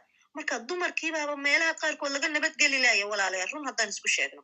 Marka nuqdada labaad waxa weeyaan dumar oo annaka cadow isku ah ilaa aan anaku dhexdeena heshiino oon qiimo yeelano oon fahano dhibaatadu meeshay nooga imanayso xal fara badan ma gaadhino marka intaas ayaan ku soo koobsanayaa culummadoo dhan aan la wada dhegeysan raalli ahaa aad iyo aad baad qodobkii hadda ay ka dhawaajisay hibee u dambeeyey ayaa rabay inaan waxyar ku daro oo runtii ah qodobka waxa aad la jeceshahay ilmahaada ama waxa aad la jeceshahay aabbaha ama waxa aad la jeceshahay wiilka kula dhashay walaalkaada yacna gabadhu waxaan marka laga hadlayo in la badiyo reeraha yacna runtii farahay ka baxday sida loo sheegayo dadna wayba ka baqayaano ma sheegayaano looma dhowaan karo maye iska ilaaliya xabid baa kugu filan bes halkan iskaga joog buu taagan yahay waxay ku xidhan tahay marka bii'ada lagu nool yahay environmentka ee geeska africa ilan soomaali baan nahay ma nihin nigerian. Nin kastaba geeska africa ka yimid geeska africana ama jabuuti ka yimiday ama ethoobia ka yimiday ama soomaaliya somaliland kenya. Intaasaa laga yimi intaa waa lagu kala dhaqan duwan yahay marka ay noqoto reeraha badan ama bahaha. Okay gabadhii waxay rabtaa aabaheed inuu badiyo oo walaalo uu dhalo bay family aan u samaynayay counseling ay weydiiyeen. Why baa la yidhi? Okay gabadhu markay rabta aabaheed inuu guursado uu labeeyo uu carruur badan dhalo maxay helaysaa iyadu? Walaaltii aday helaysaa. Haba ka yaryaraadan hadday doonaan laakiin waxbaa u soo siyaaday soma kow labo marka ay ilmaheeda wiilkeeda markay iyadu afartan jir tahay wiilkeedu labaatan jir yahay uu guursaday ama shalaatan jir yahay uu guursaday. Ama marka ay konton iyo lixdan ay tahay ee wiilkeedu guursaday ee ay rabta inuu badiyo maxay helaysaa inuu wiilkeedii dhalay oo badan. Reer dhan qabiil dhan waxay ka fikiraysaa maxaan ku dhadayay waa belonginess waa ownership. Okay. Walaalkeedna sidaas la saddexduba iyaday toos u soo aadayaan faa'iidada iyo benefitku. Lakiin markay noqoto ninkeeda ninkeeda in uu badiyo uu reer kala guursado iyuu badinaya isaga tolkiibuu badinaya faamiligiisuu badinaya kama arkayso marka maadaama uu xanaaqhayo kama arkayso ilmaha reerkaa kale soo siyaadinayo ilmaheeda inay walaala yihiin kama dhex arkayso waxay ka dhex arkaysaa dulmigii soo dhacay ee ahaa in iyada lala wadaagayo in iyada la iloobayo in ilmaheeda la iloobayo waxay ka dagaalamaysaa marka waxaas oo dhan sidaasay ninkeeda uga xanibi lakiin markay noqoto wiilkeeda markay noqoto walaalkeed markay noqoto aabaheed ay ugu ogosha inay sameeyaan arrintaa marka hibo wayga dhiirin tahay kheyr allah siiyo hoostaa ka xaqiiqan gabdhuhu inay iyagu wax isla rabin mararka qaarkood iyagu iska hor imanayaan habase ahaate waxaan ku soo ururinaynaa arrinta badintu waa arrin xal loogu talagalay. Ee maaha wax iska caadiyo halka inta ka baxda dhinac kale waa bax ah. Waa mahadsantiin asalaamu calaykum walaal waxay raalli ah adoo raalli ah waa ku imanaya aad baad umahadsan tahay marka hore aad iyo aad baan idinkaga mahad celinayaa sida sharafta iyo maamuuska leh cilmiga ku salaysan caqliga ula caataba fakeraya uu la socdo. Ilaahay subxana watacaala ajri xasanada idinka siiyo. Ani midaan aaminsana shaksiyan waxaan aaminsanahay aniga saa ogtihiinba xaquuqda dumarkan u doodaa xaquuqay maxaa tahay marka aniga xaquuqda waxay ii tahay shaksiga doorashadiisa inuu xor u noqdo. Haddii gabadhani ayada iskid u doorato inay naagtii labaad noqoto haday tii saddexaad noqoto inay tii afaraad noqoto waa taageeraya. Waayo xaaraan maaha xalaal bay gashay wayna dooratay. Laakiin waxa ani aan ka soo horjeedaa waxay tahay totaliba shaksiyana aanan dooranaynin beri aan dooran lahaa way jirtaa bini aadamku waa inuu kobco waa in noloshu ay wax ku barto anigu waa soota waan arkay waan arkay waxaan arkay gabadha xanuunka gaaraya xanuunkaas ayaanan marka u quurin waxaanan u quurin gabar walaasheeda soomaaliyeed ayaanan u quurin xanuunkaas sidaas daraaddeed nin naa qaba maba rabo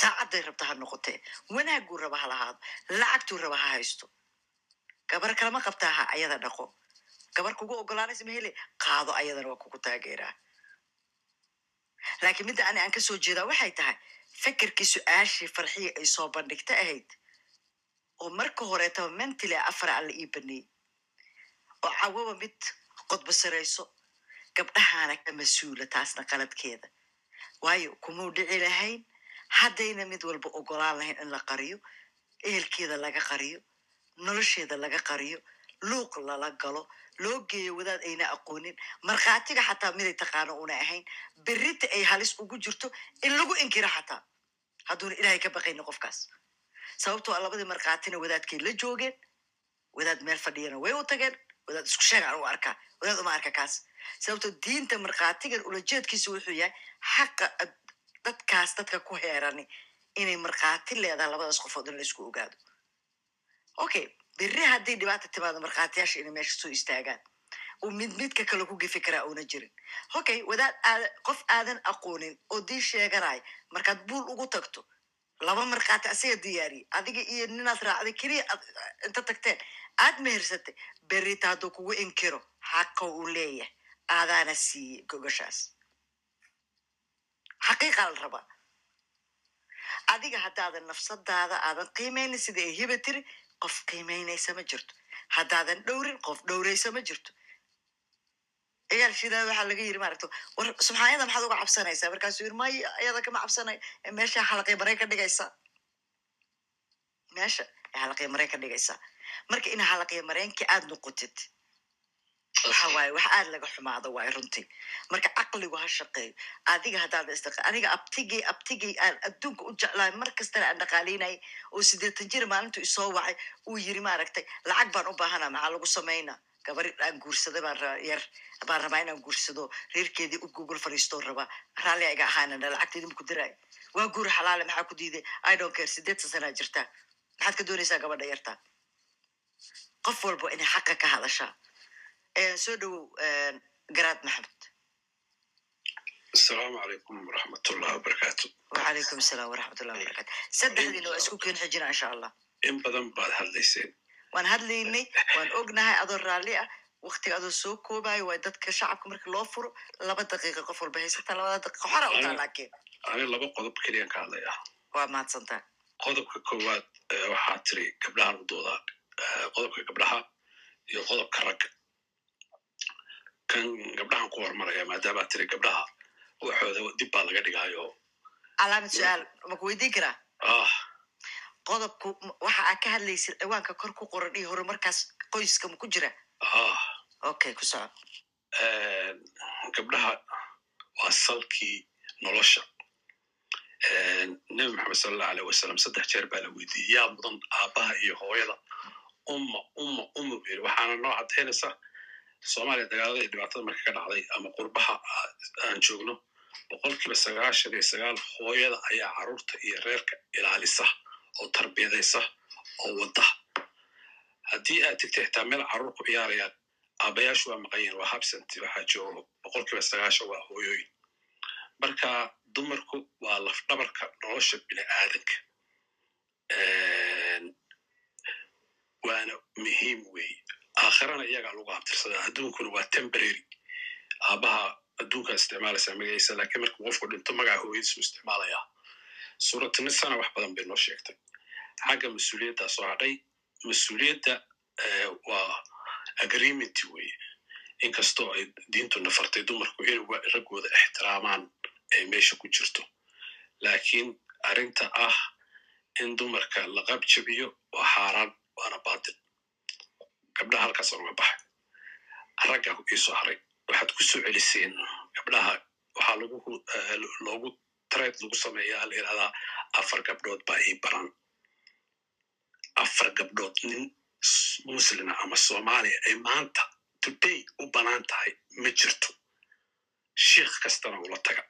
Aawanaa idiin sheegaya afarta gabdhood oo ilaahay diinta u baneeyey maaha kuwa maanta jooga kuwa maanta jooga maaha adduunku waa isbedelay afar gabdhood lama qancin karo waxa la rabana ma wada siin kartid waxaa lagu leeyahay haddaad mid koobiyaa siisid ta kalena waa inaa koobiya siisaa haddaad dirac u soo iibisid dirac iyada u kalar eg waa inaa u soo iibisaa haddii aad habeen la seexatid ta kale waa inaa habeen la seexataa ragga maanta joogana hawshaas ma qaban karaan aniguna ma qaban karo. Cid qaban kartana ma jirto oo mas'uuliyaddaas qaadi karta. Marka ruliskii afartan naagood daaqadu ka baxay shuruucdii afartan naagood ilaahay u soo dejiyey waxa weeye mariin masruuf haddii gaari aad gabadha u iibisid midda kalena inaa gaariga waa kale u soo iibisid barafuun haddaa u iibsid ta kalena waa inaa barafuun u soo iibisaa afar barafuun isku nooca afar gaaro isku nooca yacni wax walba xitaa salaantu way in isku mid ahaataa.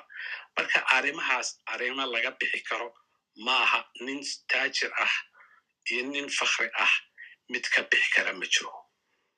Nin kasta afartii wuxuu ku samaynayaa waxbuu isdaba marinaya mid buu iskala degaya hadduu rabo iskala seexanaya oo jeclaysanaya marka wixii waxay noqotay la jiifiyaana banaan marka diintuna saa ma qorayso marka horta afarta naagood halkaasi ku dhimatay.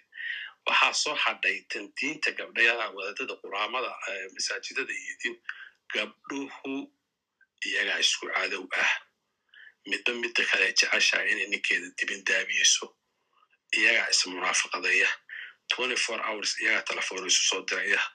walaashaa iyo walaasheed iyo walaasheeda kale gabdhuhu horta ha midoobaan oo dad walaala ah ha noqdaan. nimanka soomaalida ah ee soomaaliya joogana boqolkiiba sagaashan iyo sagaal waa kheyr mas'uuliin been yaan laisu sheegin maalin dhowta meel baan tiriya carruur lagu ciyaarsiinayo waan tiriya hooyooyinka meesha joogay boqol bay ahaayeen ragguna waxaan ahay afar nin. Kheyr mas'uuliin weeye kuwa soomaaliya carruuraha haya dagaaladii dhibti marka dhacday hooyay ahayd. Wallahna nin lacag loo dirin oo uusan reer biilen carruuraha hooyooyin baa soo koriyey. Marka gabdhaha waa lafdhabartii soomaalida gabdhaheenuna waa gabdho fiican inkastoo ay isku qaldeen dimuqraadiyadda iyo diinta islaamka iskaga dhex yaacday iyo freedom of speech iyo anuu xor baan ahay iyo saan rabaan yeelayaa iyo xafladaan rabaan aadayaa iyo waxaan binimini waxaasi waa iska wax la xalin karo laakiin gabdhuhu soomaaliya way seefgareeyeen ilaahay kheyr ha siiyo dalkaasuu burburi lahaa ummaddaasna waa haligmi lahaayeen haddaan hooyo yaanyo u iibinin oo labada boqolood walaalkaa u dirtid iyo labada boqolaad walaa xaaskiisa u dirtid labada boqole xaaskiisa u dirtid baa carruurta gelisa waa bilaa tawfiiq waa iskaga baxeen waad mahadsantiin. Aadaa u mahadsantaa waxa aan ka hadlaynay horta horeeto nafsada qofka ayada aan mudgalado mahadsan. Nafsada qofka aan isqiimeyneynin ayada ayaan taagnayn iyo horumarka. Laakiin tan kaleeto odahaysa dimuqraadiyadda iyo waxa isaga qaldan diinta waa waxaad adiga iska dhaadhacsiisa haddaad aragta mid inaad dadka dhadan kor ka saartid ma aha. Macnaheeda dumaran u doodaa ma aha inaan diintaydii ka tegay.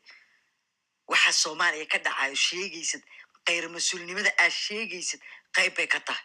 Xaquuqda la raadinayo ilmahana aabay hooye ka wada dhexeeyaan marka ayadoo aad afar shan wanaag aa dhigaysa hal xaba inaad ku dhex dirtid adiga naftirkaaga xoogaa yar dib isugu noqo insha allahu tacaala. Robow soo dhowow haddaad joogtid waa kale axmed aa waa joogaa waa joogaa ay ku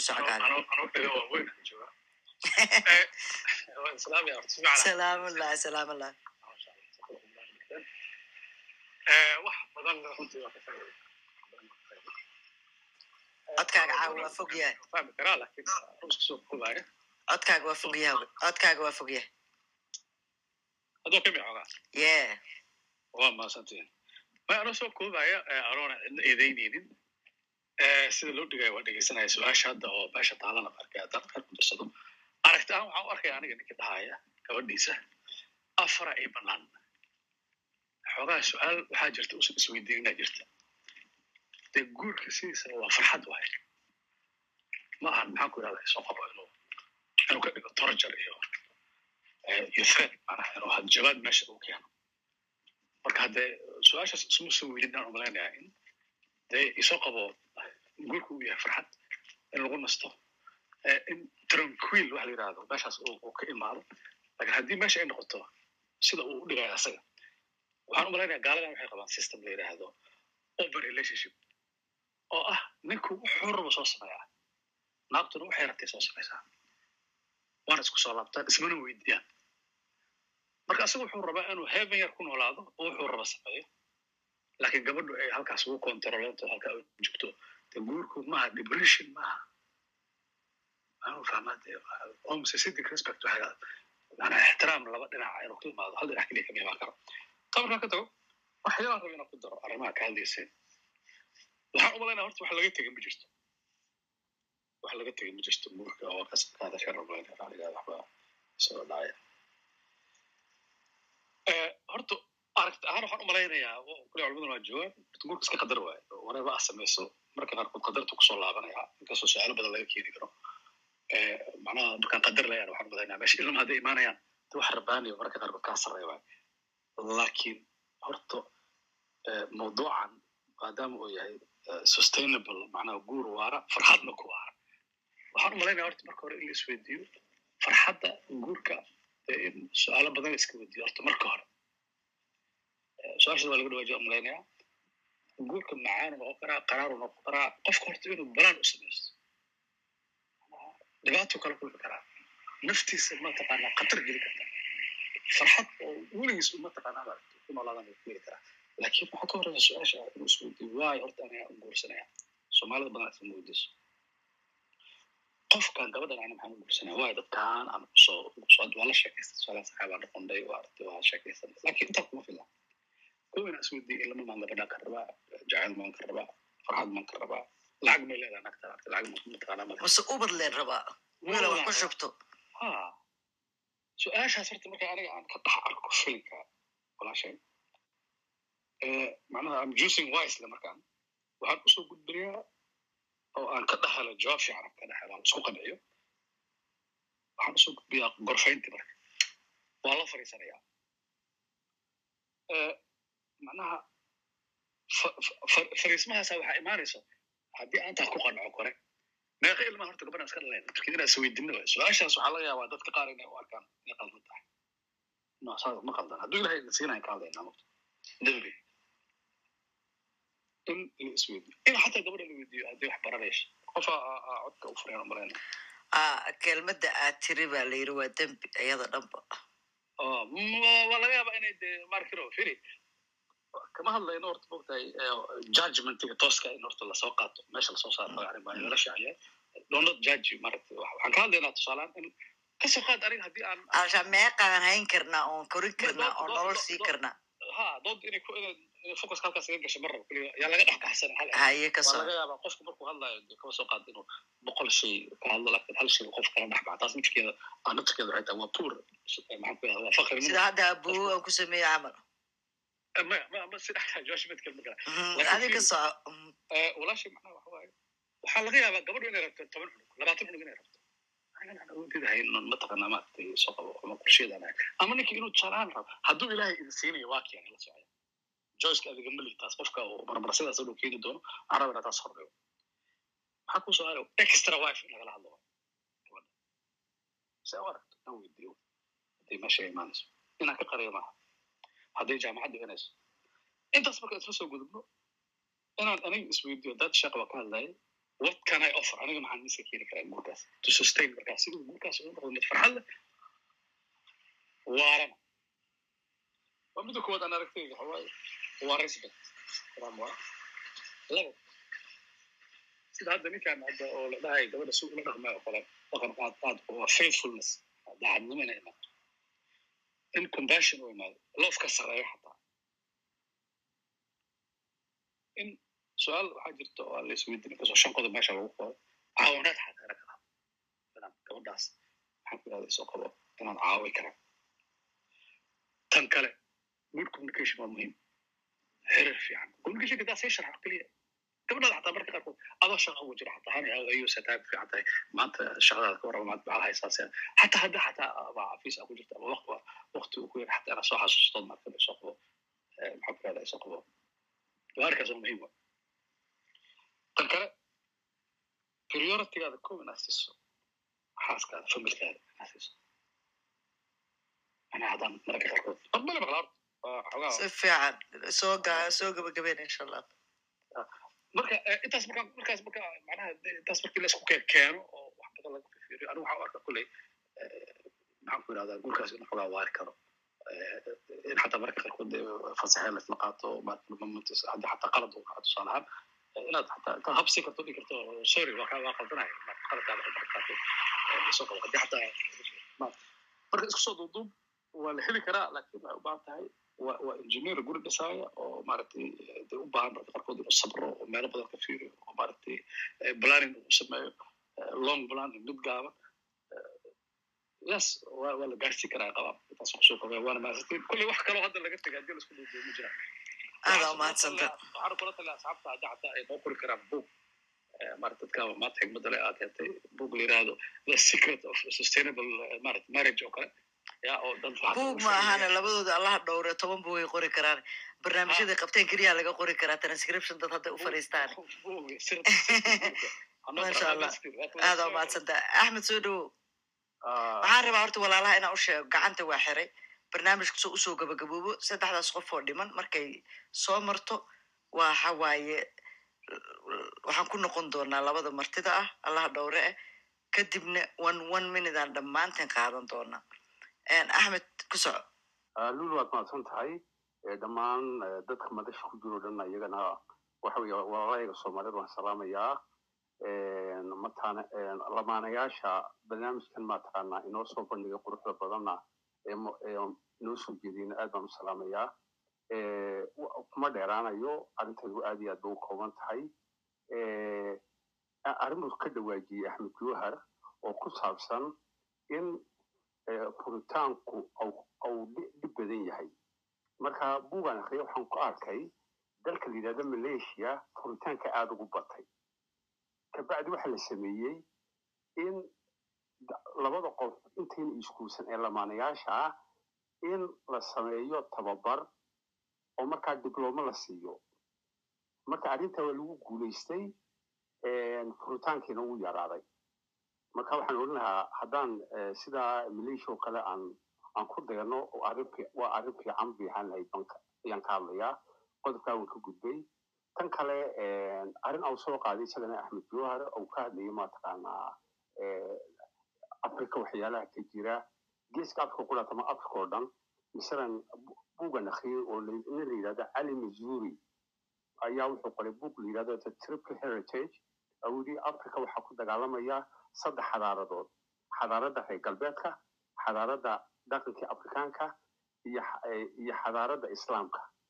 Marka innaga soomaalida waxyaalaha inoo keenaya qoysku inuu mataqaana marmarka qaarkood au dhibaata soo gaadho waxaa ka mid ah anigoo soo dheeganaya cali mazuri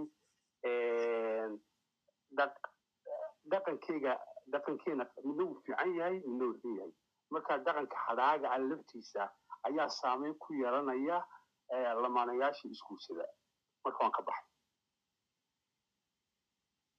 Aad ba umahadsan tahay gabadha wax abwaankeyga soo dhawow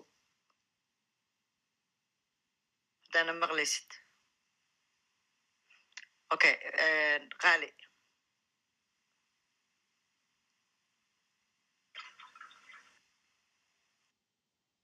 okay salaamu calaykum horta waxa weyan mahadi ha ka gaadho um, abaayo iyo abowo. Waxa weyan si fiican bay inoola hadleen waxna inoogu muujiyeen anigu waxa weyan wax yar baan ku darsanayaa oo maxaan ku rahdaa aniga qaali ahaan ah experience aan soo soo maray.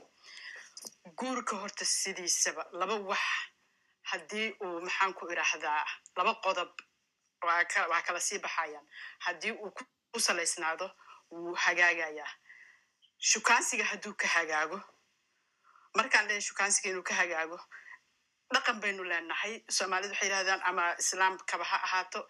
Ina xataa islaamkii khalad laga fahmay ninkii iyo naagtu waa ishukaansanayeen waa run.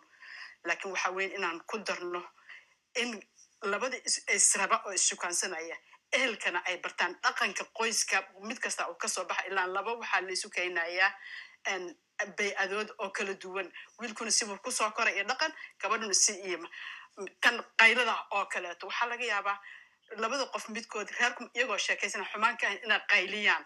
Marka hebelo yidhahdo war maxaad naga rabtaa? Kama aha xumaan laakiin waa dhaqankooda. Horta kow taas inay bartaan oo saas dulqaad isugu yeeshaan.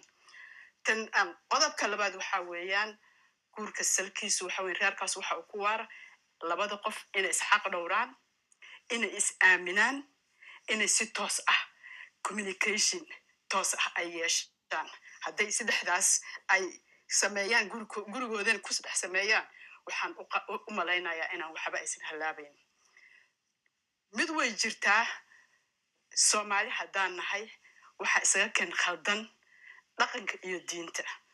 Wax dhaqanka ah oo jiro oo lagu dhaqmo yaa mararka qaarkood waxaa cudurdaar looga yeelaa inay diinta tahay. Laga yaabaa dhaqankaasi inuu khaldan yahay. Waxaan ka soo qaadayaa gabadh baa waxay ka soo cabanaysaa ninkeedii. Waxay leedahay saan ugu sameeyey kanuu sameeyey tii hadda aad ka hadlaysay afaarahayga ka bax uu leeyahay. Markay soo cabato waa arkay islaamo waaweyn oo leh naanaagan ilinteeda barkinteeda qoyn reer uma dhaqmo macnaha waxa weyan gabadhaas dhaawac weyn baa loo geysa wa meesheeda ku ooyeysa ku maxaan ku rahda ku aamusaysa nolosheeda miserable noqonaysa carruurnaysa in ogaanaynin aysan xaq dhowraynin ninna aysan xaq dhowraynin. Marka intaasibu way jiraan. Wasalaamu calaykum. Waalaykum salam waraxmatullahi wabarakaat gabadh duxu ma joogtaa soo dhow abwaane guud ahaan waa bogaadinayaan barnaamijka quruxda badan caawo wax badan baan ka faa'iidayo anigu dhegeystayaasha ka mid ahaa ustaad axmed iyo macalima jibrin iyagana aad iyo aad baan ugu mahadcelinaya wax wanaagsan aad u qiimo badan oo wax badan aan ka kororsanaya iyo caawina loo adiga oo barnaamijka loo qabteen oo lafdhabar nagu ahaana aad baan kugu mahadcelinayaa nolol mahadcelinta un baan dhahaya wax hadda burada karo kusidaraya aad iyo aad baad mahadsan tahay. Farxiyo waxbaa ku daraysaa? Ha aniga waxaan rabay en wax idinka dhan ku celceliseen en waa fikir ahaantayda en inaan iraahdo gabdhaha iyaga cadow isku ah iyaga ah, maxaa la en gabar meeshay is dhigto sharafkeeda daylaasan weydo. Gabdhaha horta waxaan ognahay dumarku rag waa ka badan yihiin. Marka ninka ragga ah alwaysna usually marka eh, haddaan nahay dumar ragga iyagaa shukaansiga bilaaba. Marka ninka naagta qaba gabadha hadduu shukaansado kow isagana gabadha keliya eedda inaan la saarin gabadha ha in iyadu way leedahay choice option bay haysataa ay ku tiraahdo yes and no. Lakin kow iyagana raggana waa in la wacyigeliyaa maxay tahay hadduusan baahi u qabin siduu sheekh axmed noo sheegay iyo abaaye hibo En, diinteennana sheegayso oo annaga dhan aan ognahay because ragga waxay ka qaataan afar baa ii banaan rasuulkeena calayhi salaatu salaam dumarkiisa sagaal uu ka dhintay iyo koob iyo toban bay hayeen haddaan qaldanayn. Marka wuxuu u guursan jiray gabdhaha carmal bay kulligood wada ahaayeen inuu caawiyo sida dumaasha uu abuwaha daayo ku sheegay in uu maxay ahayd holey dumarkii raggooda uu ku dhintay jihaadka oo kale inuu uu- uu caawiyo maadaama gabdhaha ay u baahan yihiin caawimaad sidaas darteed waa inay shuruud ku timaadaa amaba baahi ay ku timaadaa marka ragga inaysan iska doonanin gabdhaha iyagoo gabar ku filan baahidooda dabooli karta reerka u joogta inay gabdho kale ayna afkooda la aadin. Gabadha guurdoonka ah ee maybe soddon jirto ama ah, oo la leeyahay peer pressure haysto ama social pressure haysto oo la leeyahay maad guursatid.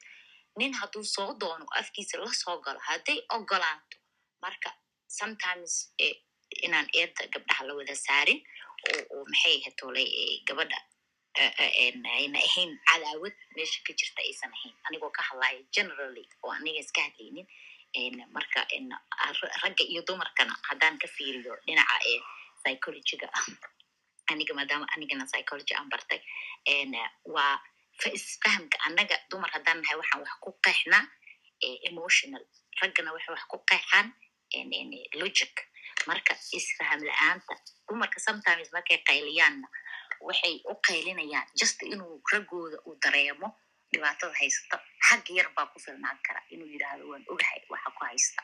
Uma baahana eh, solution meesha uu ragga ka eegayo logical inuu solution u helo problemka problem ma wadatee waxay doonaysaa discomfort inaad dhegeysatid uun iyo comfort. Bes marka aniga intaasaa fikrad iga ahayd. Aad iyo aad u mahadsan tahay. Walaalahaydana way mahadsan yihiin jasaakum allahu khayran En, laakiin wacyigelinta hala badiyo ragga iyo dumarka u siman yihiin raggana wax badan hala wacyigeliyo because annaga generation and generation waa nala soo wacyigelinayay raggan inaan adeecno diini ahaan hadduu noo fiican yahay waa ognahay ragga hala galo hadda in wacyigelin loo sameeyo. Mahadsanideen aadaa umahadsan tahay ragga badanaa waxa waye wacyigelintoodana meel kastay ku jirtaa. Sa aan sheegay su'aasha gabadha ay weydiisay ay ku jirtay mas'uuliyadda mas'uuliyadda masruufka lagala hadlaa adeecid iyo lagamala hadlo ayadaa loo sheegaa inay adeecday lugihiisa jannada ugu jirto. Eh, waayo hadduu ay hesho uu helo asugu mid dhegaysanaysa warkiisa maqlaysa waa gabadhu waa inay maqasho odageeda la leeyahay. War waa in la ismaqlo. Ma aha inay qof keliya qof kala maqasho. Addoon la isu noqon maaye. Abu garaadus mar kale ku soo noqo maadaama hadaayi markaa hadasha aan kaa daba hadlo insha allah. Intaana kala eh, ka-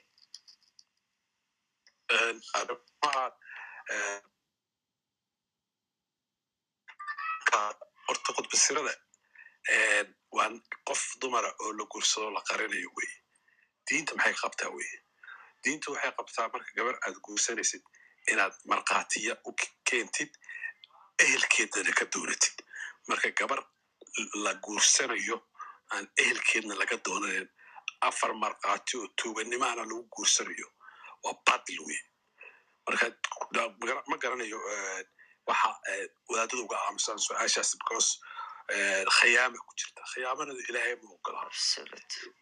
Khiyaamada ilaahay ma ogola. Haddii aad naagtaada khiyaantid ilaahayna waa ku arka ilaahay baa cadila Eh, ragga soomaaliyeed qaladkeenu waa badan yahay waana badannahay waana is ognahay inaan qaldannahay Magaala anigu jooga rag badan oo carurooda ka maqan oo soomaaliya xildhibaan u doontaa jiro carurooda fiican yihiin oo gabdhihiio carruurtii faagan ku riixaya meelaha markaaga soo horbaxaan. Aad ka naxaysid wax qaba mad- maantoo dhan bay waxay adeeg iyo cunto iyo raashin iyo iskuulgeyn iyo hawl ku jirtaa cid u ogna ma jirto. Marka horta qaladka raggeenu waa badan yahay laakiin dumarka hal arrin baan u sheegayaa. Dumarku waa emotion waa run been maaha ilaahay baa sheegay rasuulkaa sheegay waa la ogyahay laakiin emotionkaasi waxay ku dawoobi karaan inaad tirahdo walaale raali noqo anaa qalad sameeyey maxaa ka- qodobkaa ka hadlaysa muxuu ahaa hadalkii waa idhaafay yani attention inaad siisid haddii aad attention siin waxay u malaynaysaa in aad maaragtay iyo siisid ama aad ma norgareynaysid marka haas waxa weeye waa qofka keliya ee kaa mudan inaad ixtiraamtid hadal macaan kula hashid daxtaado xasan la hadashid inaad ka raaligelisid hadday kugu qayliso xadidoo eer soo qaadato soo wareegtid caradu kaasoo bao low sheekadii waxaa ka careysneed hagaajinaynaa marka sideenaba een, een, waa ku arkay luul dumarkaa u doodaa walaale aan kugu rido laakiin dumarka laftigooda u sheeg runta raggana runta u sheeg ilaahay wuxuu yidhi xaq xaaraan iyo xalaal isma garab dhigin baatil iyo xaq isma garab dhigin marka qofka bini aadanka oo walaalkaaya runtaa loo sheegaa hadda ka hor baa waxaa igu dhacday nin baan u sheega waxaan ku yidhi warniyahow eh, gabadha saa ula dhaqmaysa waa qaldan tahay niyahow iska daa qaladkan ninkii gabadhii buu sheegay yidhi "Ah, maanta raba inaan ku furo oo doonaya nin ii wa- eh, i wacyigeliyo subxaan oo nin walba in gubta waa hoos taalaayadi oo reerkaaga dhaqo carruurtaada iyo gurigaaga ka tegine intay suuqa igu qabatay waxay ku tiri ha inaad ka caqle badan tahay.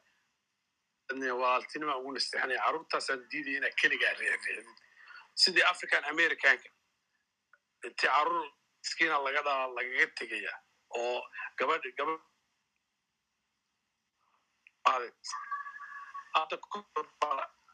qo- qolyaha familka intay i yimaadeen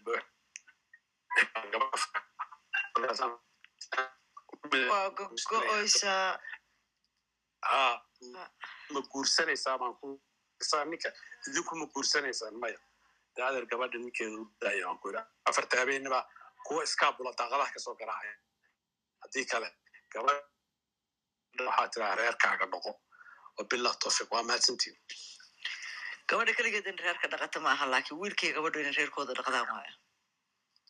Waa runta laakiin qofka caraysan baa la yidhahaa oo la yidhaha ka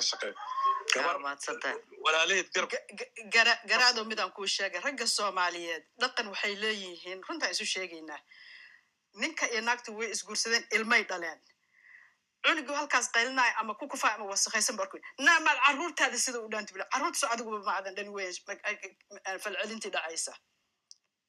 Marka waxa weeyaan communicationka in la hagaajiyo. Ha communicationka in la hagaajiyo. Hadduu intuu kaco isaga cunugii oo dhacaya hadduu arko intuu qabto oo ka tirtiro oo yidhahda aaba maxay maxay ka dhimaysaa iyadii buu qaar la kor- la kortegayaa. Waxaa tahay waxaan waxba ahayn. Carruurtaadaan haysan karin. Ba- markaasaaba sheekadii meel kale isu bedelaysaa dhaqankaas in la bedelo weeye. Naagaha soomaalidu waa hooyooyin fiican. Waa hooyooyin aad u dulqaad badan. Wax walba iyaga dhabarka u ritaan. Intay dhabarka soo saaraan bay maxaan ku idhahdaa intaan kaco oon maxaan ku idhahdaa aan wiil baan waxaan ku shaakiran ku sheegaya Wa- waan um ur baan lahaa waan umulay c section baan ku dhalay. Waxaan dhalay maalin khamiis ah. Maxaan ku idhahdaa m- maalin isniin ah. Iyo wuxuu igu arkaa anoo farmashiya ka soo baxayo baaburkayga wata. Ima uusan ogin inaan dhalay. Wuu tegay magaalo xaafadda ku markaasa dhalinyarka waxay leeyihiin waa baxaynaa qaali waan soo salaamayna ama qaali maxaa way dhashay. Goorma dhashay saakaan ba arkay. War khamiistii bay dhashay waa lagu soo qali. War waxay ii sheegin uu yidhi beentaas manaagtii baaburkeeda wadatay ma aysan fikirinin maxaan ku idhahdaa odagayga wuu joogay in- inuu cunugta yareed hayo buu guriga u joogo uu ku haya anigana waxa way dhakhtarkaan la balasana maxaan ku idhahdaa la soo samayn aan saas u soo samaynaya dad baa dagaal qaadan waxaa la yidhi waa kaas ragga soomaaliya war ragga soomaaliya mahe cunugiisi buu haysta anna mahadi waa dhale malug baan ka jabay. Waa socon karaaye marka waxa weeyaan hala hala hala communicate gareeyo hala hala communicate gareeyo maxaan ku idhahdaa? Hala wada qabta markaad dhinac uu qabto qaaliya ku dar reerahana ha laga dhex baxo. Taas waa sheek waa barnaamij idin taas waa barnaamij idin marka waxa weeyaan nimanka soomaaliyeed waxay u baahan yihiin inay intay fariistaan oy maxaan ku idhaahdaa qur'aan akhristaan maskaxdooda dejiyaan gurigooda iyo maxaan ku idhahdaa? Dhaqanka afar waa ilaah waa kuu baneeyey. Cid kuu diidan ma laha waa guursanaysaa. Laakiin ahow mid diintiina diinta ku taagan oo maxaan ku idhahdaa afartaba wada qancin kara gurigiisana qancin kara laakiin tiisi guriga u joogta halka xabo oo gubanaysa muxuu reer kale gaba- gabadhooda lugoynaa u gubayaa? Runta aynu isu sheegno walaalo. Waa mahadsan tahay abwaan gabadho wuxuu mana joogtaa horta? Waxban baa kaa dalba lahaa waxbaa igu soo dhacay. Okay waa laga wada baxoyaaba waxaan ku wareejinayaa labadeeda gacaliyayaal hibo iyo aada gacaliso ee farxe okay gabadhuuxo intaan hibe iyo u dhiibin waxaan rabay hadday macquul tahay gabayada isticmaala maansooyinka isticmaala shanta dareemood wax yar ma dul istaagi kartaa shanta dareemood maansada marka la tirinaa badana shanta dareemood bini aadamku shan dar- shanta dareemood bay wax ka dareemaan. Qasab maha shantaba inuu jaceylku u maro. Qofba meel buu hadduu rabo u mari karaa. Gabayada badanaa maansayahankana ku badan si fiican u isticmaal waxaa arkaysaa gabay waxa lagu tirinayo shantii dareemood midba meel aadayo. Shantaas waa aragga maqalka dhadhanka taabashada iyo urta gabayadeennana waa ku dhex jirtaa. Mid baa saxan saxadii kula tegaaya mid baa ubixi ku tusaaya mid baa maaragtay hawadii dabayshii maaragtay jirkaaga ku dhaceysa ku tusaaya. Shanta dareemood badanaa maansayahanku aad buu ugu fiican yahay. Walaal waad mahadsan tahay dowley waa runtaayo maansayahanku inta badan qofka ibnaadanka horta wuxuu leeyahay shan dareen buu leeyahay dareemada oo jirku uu leeyahay. Inkastoo lagu daro de waxa la yihahdo the citizens waa dareenka lixaad oo ah dareen iyadu ruuxu gaar u leedahay la yidhahdo uu jiro. Badi maansayahanka soomaaliyeed ama maansooyinka soomaaliyeed waxa ay la hadlaan oo qofka wax ka tusaan yacni waa shantaa dareemo. Qayb waxaa laga yaabaa inuu qofkii uu kuu tuso yacni ishii wax kugu tuso oo uu kaaga sheekeeyo meel qurux badan oo markaad indhaha aad ku dhufato oo aad dhaayaha ku dhufato aad quruxdeeda iyo wanaaggeeda aad u bogaso maansayahan waxaa laga yaabaa inuu fariinta uu kugu soo gudbinayay uu kaa dareensiiyo oo uu kugu soo gudbiyo. Hab baa laga yaabaa maqaloo ah oo uu kaaga sheekeeyo jabaq iyo cod iyo wax aad maqlaso iyo wax inkaasa qolaba meel ay ku dhufato. Marka aad iyo aad ayay maansayahanka soomaaliyeed ay ugu badan tahay maansooyinka caynkaasi. Waana dul mari karnaa haddii aynu tusaalayaal soo qaad qaadan karno yani janis saasa taasaan abwaana kuugu dhiibay. Aynu janis aynu janis ku filan helayno. Marka rag badan oo arrintaas aad iyo aad u u u uga sheekeeyo oo u taxriiriya baa jira. Tusaale ahaan oo kale waxaa la yidhaahdaa mar gaari uu tusaalayaal u ururiyey baa jira. Oo wuxuu ku leeyahay maansayahanku marka uu kugu soo gudbinayo inuu dhegta uu kaa maqashiiyo oo kale baakay oo kale uu kugu soo gudbiyo hadda. Wuxuu tusaale u soo qaadanaya kale gabaygii qamaan gabaygii qamaan buxale ahaa. Sida koorta iyo ee la suray koromo buubaala ama beelo kaynaansan oo kor u hayaamaya ninkaas waxa uu ka sheekeynaya waxa weeye uu ka hadlaya waxa weeye uu kugu dareensiinaya dareenkii uu dareemayey iyo xanuunkii uu dareemayay afadiisii ka dhimatay waxa uu ka dhigayaa oo kale koor la suray yaa walba iyadoo koor ahayd oo waxa loo sameeyey aysan qar ahayd.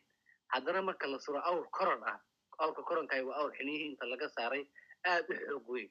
Haddana buubaal ah oo ah yani awr didmo badan oo aan hayin ahayne orod badan ama socod badan ah koorta intaasoo dhan isku darsatay kaylada ay bixiso oo kale ayuu yani dareenkiisa kugu soo bandhigaya leeyahay dareenka hayay waa kaas oo kale. Ama beelo keenaan sidoo kor hayaamaya ama maba beelo safara oo geediyo oo guur ah oo haddana kaynaansan oo haddana soconayo haddana hayaan ku jira ayuu sheegaya.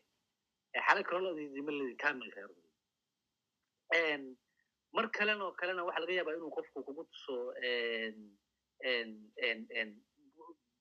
indhahoo kale de oo maansayahanka soomaaliyeed oo kale waxaad badan ku arkaysaa mataqaana markuu kuleeyahay sida geda caleen loo baxbuurka qariyo oo ay goonin laamo ay midabo geesteed hobaan iskaadiya kutimira leedahay marka taasoo kale uu kaga sheekeynayo kale wuxuu qofku uu kugu tusayaa hab deegaan ah oo kale oo geed qurux badan oo caleelle oo barwaaqaa oo nimcaystay qofka gabyaaya kugu tusay marka aad iyo aad ayay sugaanteenna soomaaliyeed ayay ugu badan tahay in ay ay kugu ay hadba dhanka istaagaan oo ay shantaa dareen wade marba mid kugu soo wareejiyaan marka waa mahadsan aad iyo aad baad u mahadsantaa maya habeen baa la qaadaa dhigi doogana laakiin waxaan raba dadku inay dareemaan ulajeedka aan ka lahaana waxay tahay soomaalideenna annaga isma isma qirno aqoonteenna ma qirno waxaa laga yaabaa hadeertaa in sanka lagaa geliyo afar iyo labaatan sac lagu sheego shanta luuqadood ee jacaylka buuggii ninka ingiriiska u qoray. Laakiin shantii luuqadood ee maaragta jacaylku meelaha muudgal abwaana meelaha ay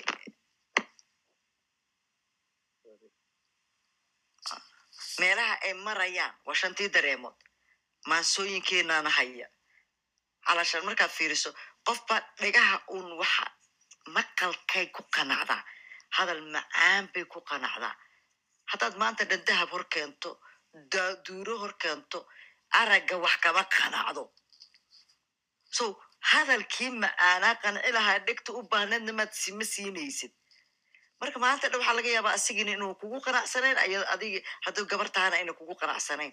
Qof baa laga yaabaa indhaha inay ka qanacdo laakiin adiga afkii macaana hadalkii macaana aad hadalkaaga dhanba uu dahab yahay. Waxba taraa qofka waa inaad baratid. Maxaad qabtaa qalbigay u roonta? Maxaa qabtaa qalbiga u roonta? Waa aba maxay hayteen? Macalimad hiba waxay ka hadlaysa oo ahaa war horta isbaro kadibna qofka aan la baro way markaasaad waxa ogaanaysaa qofbaa dareenkeedu taabashada mara inaad markasta u soo dhawaato inaad haddaad ag maraysa gacantaadu taabato qanaceeda dhan buu halkaas jiraa adina aad ku mashquulsan tahay hadal macaan ama maaragta dahab aad keento qofbaa carafta ka jirta maanta dhan cunto macaan ood kariso iyo maaragtay caraf gurigo udgoon intaas hadduu helo qanac uma dhinna oo urtay ka gashay dareenkaas u martaa jacaylku ama wanaagu dareenkaasu u maraa qof buu dhadhanka u maraa marka waxay ku xiran tahay waa inaad ba- isbaro horta adiga xaggee wax kuu maraan kadibna qofka aad la noolaanaysa baro xaggee wax u maraan adi hadday dhigaha kuu mari jireen asiga ay indhaha u maraan waa inaa ogaatid haddii ayada indhaha u mari jireen adiga ay sanka kuu marto ama afka kuu marto waa inaa ogaatid waa muhiim taas waana ka baxaynaa ustaadyaal waa idinku soo wareejiyey adinkaana noo soo xiraya hal eh, maxaad ku dari lahayd. Haa ku dar.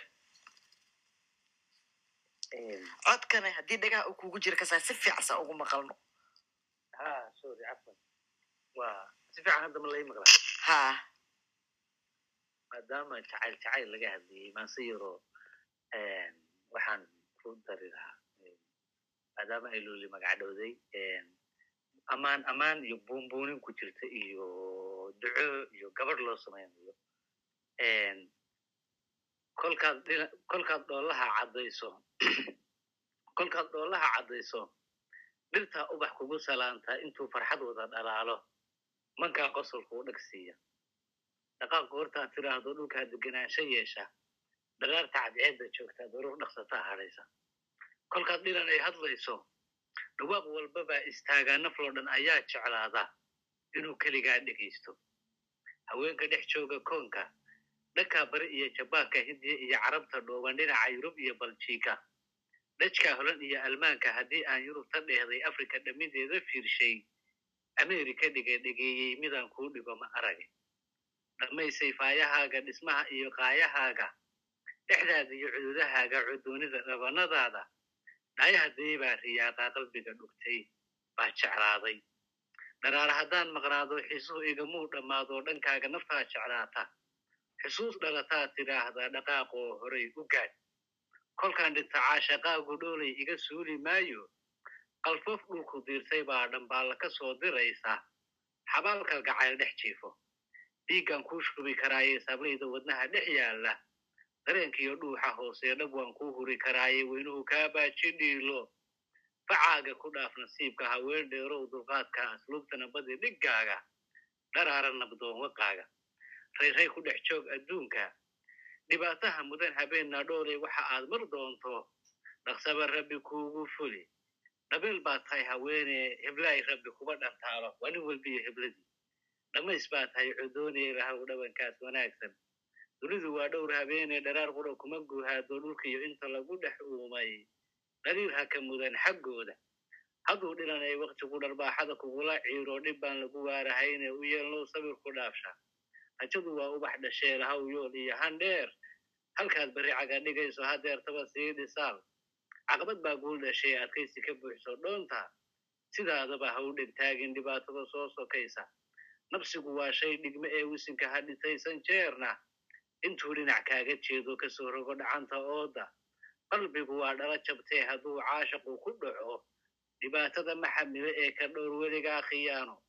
Naftayda adaa dhexlay ee sidaan keli kuugu dhaaday dhankaagana caashaqeena korkaagiyo dhabarka saar guushaad dhalisaa midayduu lamaani ku dhaadan weeye.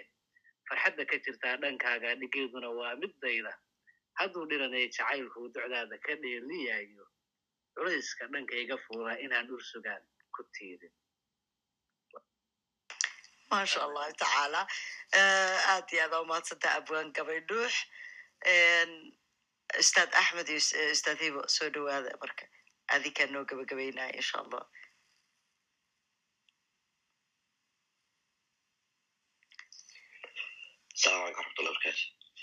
alaykum salaam waraxmatullahi wabarakatu raalli noqdo qolyo afartii kacbaan hayno. Waa la soo xigaanay maya ustaad hibana maba ku sii jirtabo ayad hadda shaqo ka soo gashay. Ayay meesha soo gashay. Jasaakum allahu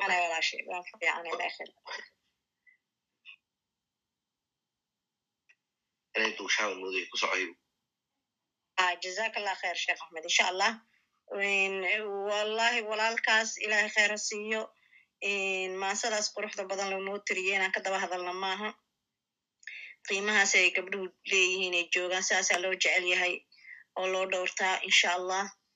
Keliya ani waxaan ku soo gebagabayn horta guurka iyo qiimaha qofku leeyahay iyo waxaasoo dhan lama soo koobi karo.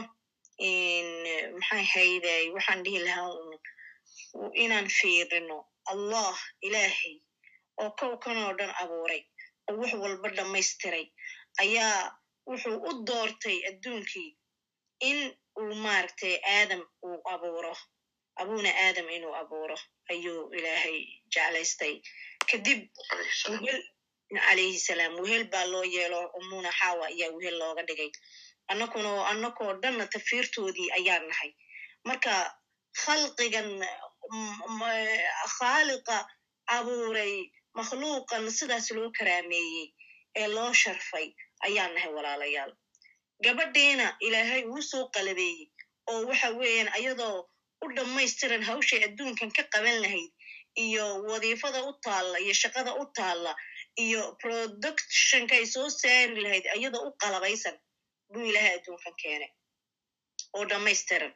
Wiilkiina ilaahay isagoo sidaas loogu dhammaystiray oo diyaar u ah shaqadii loo igmaday ee loogu talagalay adduunka inuu ka qabto isagoo u dhammaystiran ayuu ilaahay adduunka keenay marka sidaasaa welibana ilaahay ummaddii isku dheeli tirayaayo qof walba mawhibo gaara ah iyo xirfad gaara iyo maaragtay faridnimo gaara iyo aqli gaara ilaahay siiyey.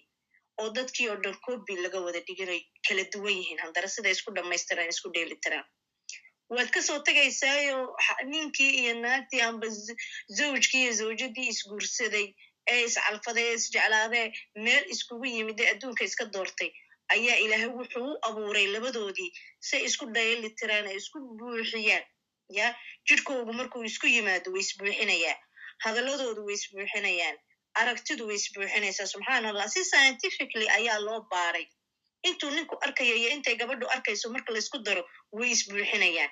Inta uu ninku maqlayo iyo intay gabadhu maqlayso oo kala duwan oo aad u kala fog handana marka labadaas isku yimaadaan way isbuuxinayaan walaalayaal aragtida uu ninku wax ka haysto iyo aragtida gabadhu ay ka haysato iyo janibka uu wax ka eegayo iyo janibka ay wax ka eegayso marka laysku keeno way isbuuxinayaan. Marka meeshan waxaana hor yaalla abuurkii ilaahay ayaana hor yaalla. Bal waxaasoo tacaba iyo iyo intaasoo nebi ilaahay u soo diray iyo waxyi ilaahay u soo diray ma u malaysa hal bacaad lagu lisay inuu noqonayo oo khasaare iyo dagaal iyo murumi iyo dood iyo in loogu talagalo uu waktigii sidaas ku dhammaado ma u malaynaa walaalayaal uma malayno inay ku habboon tahay. Lakiin ibliis baa dhaarto oo ilaahay wuxuu yidhi maaragtay ilaahayo andirnii ilaa yowmi yubcathuun maalinta yowmulqiyaamaha ilaahu ii dibdhig ayuu yidhi. Ya waxa weeyaan dhinac walba ayaan kaga iman ayuu yidhi. Marka ilaahayna uu dhaarto wuxuu yidhi adiga iyo wixii ku raacaba waxaan ku buuxinayaa jahanname ayaan ku buuxinayaa.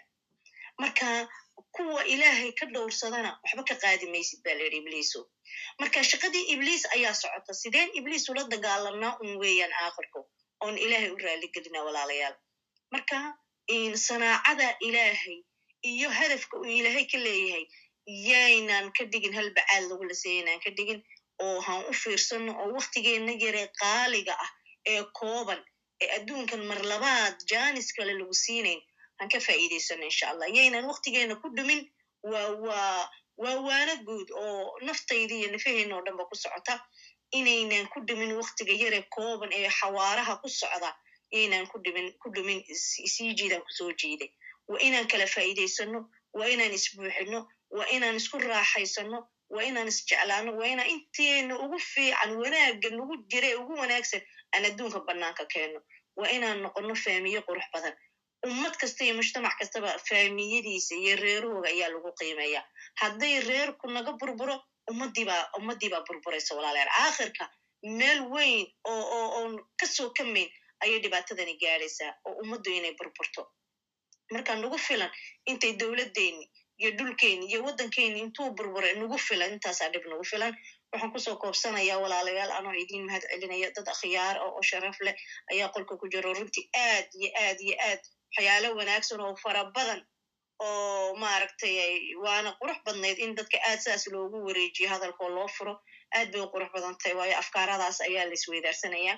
Marka dadkaasoo dhan iyagoo ku jira oon kala faa'iidaysanayna walaala waxaan ku soo koobayaa maaragtay in aan qof kasta isku noqdo uu yidhaahdo adduunkan hadafkii lay keenay iyo reerkaygu reer naajixoo qurux badan oo xidig ah xidigahaas badan ee sidaa u ifaya handare iskuma jiraan xidig kastaba keligeed bay taagan tahay marka handare way badan yihiin oo millions tira tira male cirka waa kuwa sidaa u qurxiyey ma faata ilaahay ku xardhay marka inaan xidig noqono oo faamigaygu iyo reerkaygu inuu xidig noqdo inaan inaan maskaxda geliyo weeyaan markaan maskaxdayda taa ku xiro ficil kasta iyo hadal kasta iyo wax kastoon samaynayo wuxuu ka imanayaa meeshaasuu ka imanayaa aaminaada iyo hadafka aan maskaxda ku xiray ayuu ka imanaya haddii laakiin aan cabas iyo iska ciyaar iyo iskaga mashquulana dee natiijadu ciyaartaayo khasaarahaas ayay noqonaysaa.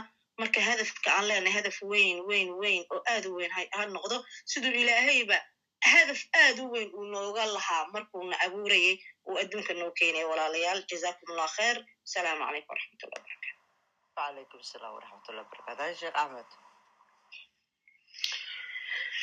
maasha allah tabaaraka allah aad baad u mahadsan tihiin warka maclimadu way u socday marka walaalihii soo hadlay aad bay u qiimo badnaayeen ilaaha barakeeyo keliya waxaan laba arrimood baan rabay in aan ku soo gebagabeeyo mid axmed baa ka dhawaajiyey in wax la akriyo oo lala socdo isbeddelka caalamka ku socda iyo isbeddelka innaga laftigeena inagu socda in la daba guro oo la raadiyo hadday taariikh tahay iyo haddii ay tahay waxa maanta dhacaya ee socda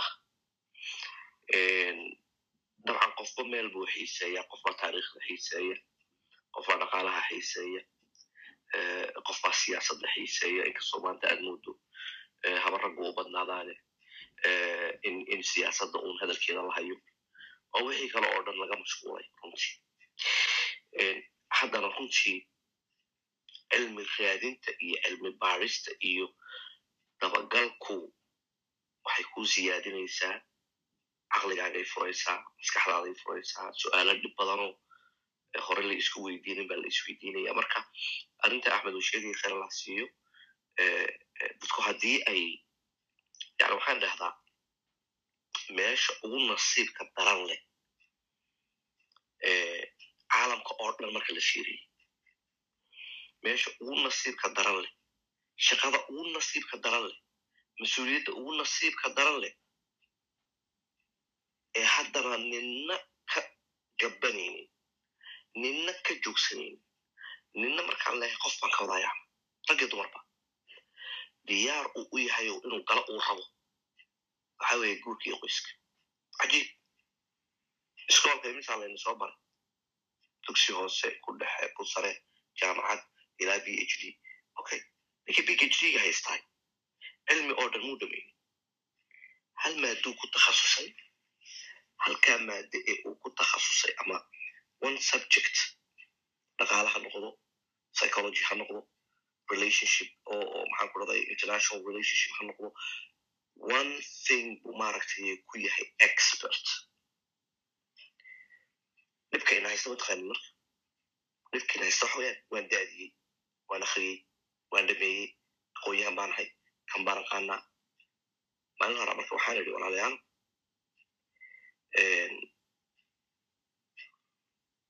yacna wuu jiraa qof wax yaqaana laakiin ma jiro qof odrhanaya wax kastaan aqaanaa wax kasta. Waxa buu yahay taa macnaheedu waxay ka dhigan tahay waxa aad taqaana dad baa u baahanay u gudbi. Dadkaasina waxay yaqaanaan wax aanad adigu aqoonin ka qaado sidaas daraaddeed ba ducadii nebiga alayhi salaatu wasalaam ay u ahayd allahuma zidna allahuma callimna ma yanfacuna wazidna cilma ilaahayow waxaad na bartay nagu anfac cilmina nagu ziyaadi markaa guurku waa mas'uuliyadda ugu nasiibka daran leh ee aan la baranin ee aan la isku diyaarinin ee aan training iyo laylis iyo tababaran loo soo qaadan dad badan tababar aan siinay dad badan oo maaragtay counseling aan u samaynay runtii waxay aad uga badbaadeen burbur qoys inuu ku dhaco aad baan ugu mahadinayaa camir iyo fahma oo dhowaan isguursaday ilaahay isku barakeeyo. Oo ardaydeennii ee koorsada ka qalin jabiye ahaa. Runtii markaan ka hadlaynay kala duwanaanshaha ragga iyo dumarka wax badan ayay wadaageen. Dhowaan bay u timid fahmi allah xafido isaguna qurbuhu joogaa iyaduna maaragtay afrikay joogtay. Okay laba dabeecadood baa kala jira isagu dabeecad kale ku dhex nool yahay iyadu dabeecad kale ku noolayd.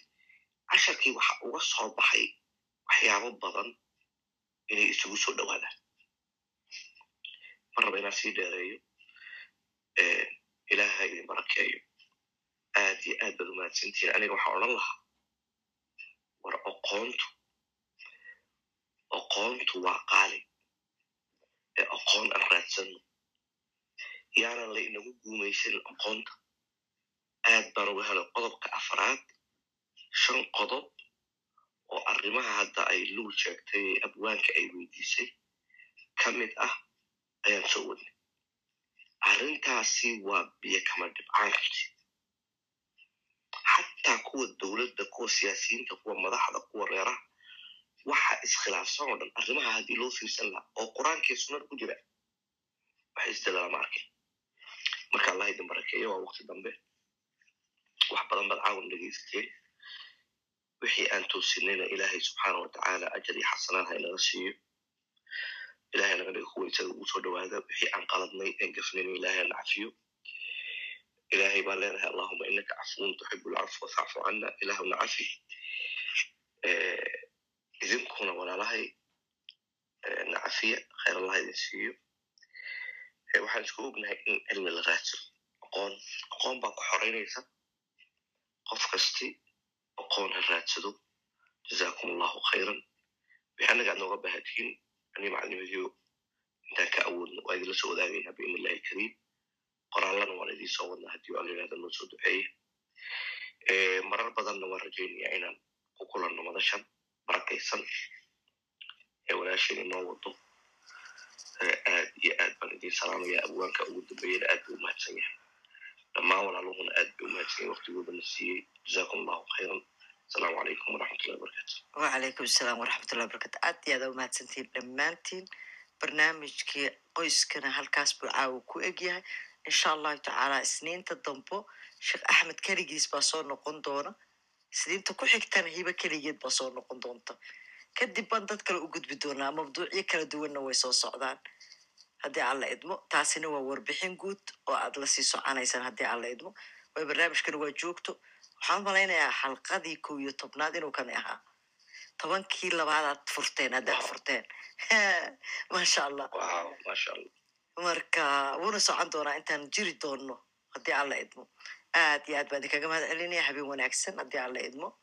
Saasuu barnaamijka noogu xirayahay adinkana aa ku fasaxan tihiin سبحانك اللهم وبحمدك نشهد ان لا اله الا انت نستغفرك ونتوب اليك اللهم ارحمنا فانك بنا راحي ولا تعذبنا فانك علينا قادر اللهم انفعنا وعلمنا ما ينفعنا وزدنا علما وصل اللهم على نبينا محمد الهي wax ka baraya inuu waqtigeeni inoo barakeeyo inagu anfaco wixii aan isweydaarsanay noloshayna ku horumariyo aakhiradeenna inoogu dembi dhaafo wixii sharoo dhanna ilaahay inagaga xijaabo khayrka iyo wanaagga aan samaynaynana ilaahay cumriga iyo caafimaadka iyo risiqa inoogu barakeeyo walaalo jiro oo jooga ilaahay naga dhigo oo khayrka ummadda u horseeda waxaan idinkaga tegayaa inaad isweydiiso qof kastoo marka lagu arko maxay dadku kugu xasuusanayaan qofku markuu ku arko miyuu kaa dadi mise uu kuu soo dhawaanay marka lagu maqlo ma waxaa la isroon bal hebel ba hadlaya dhegeysta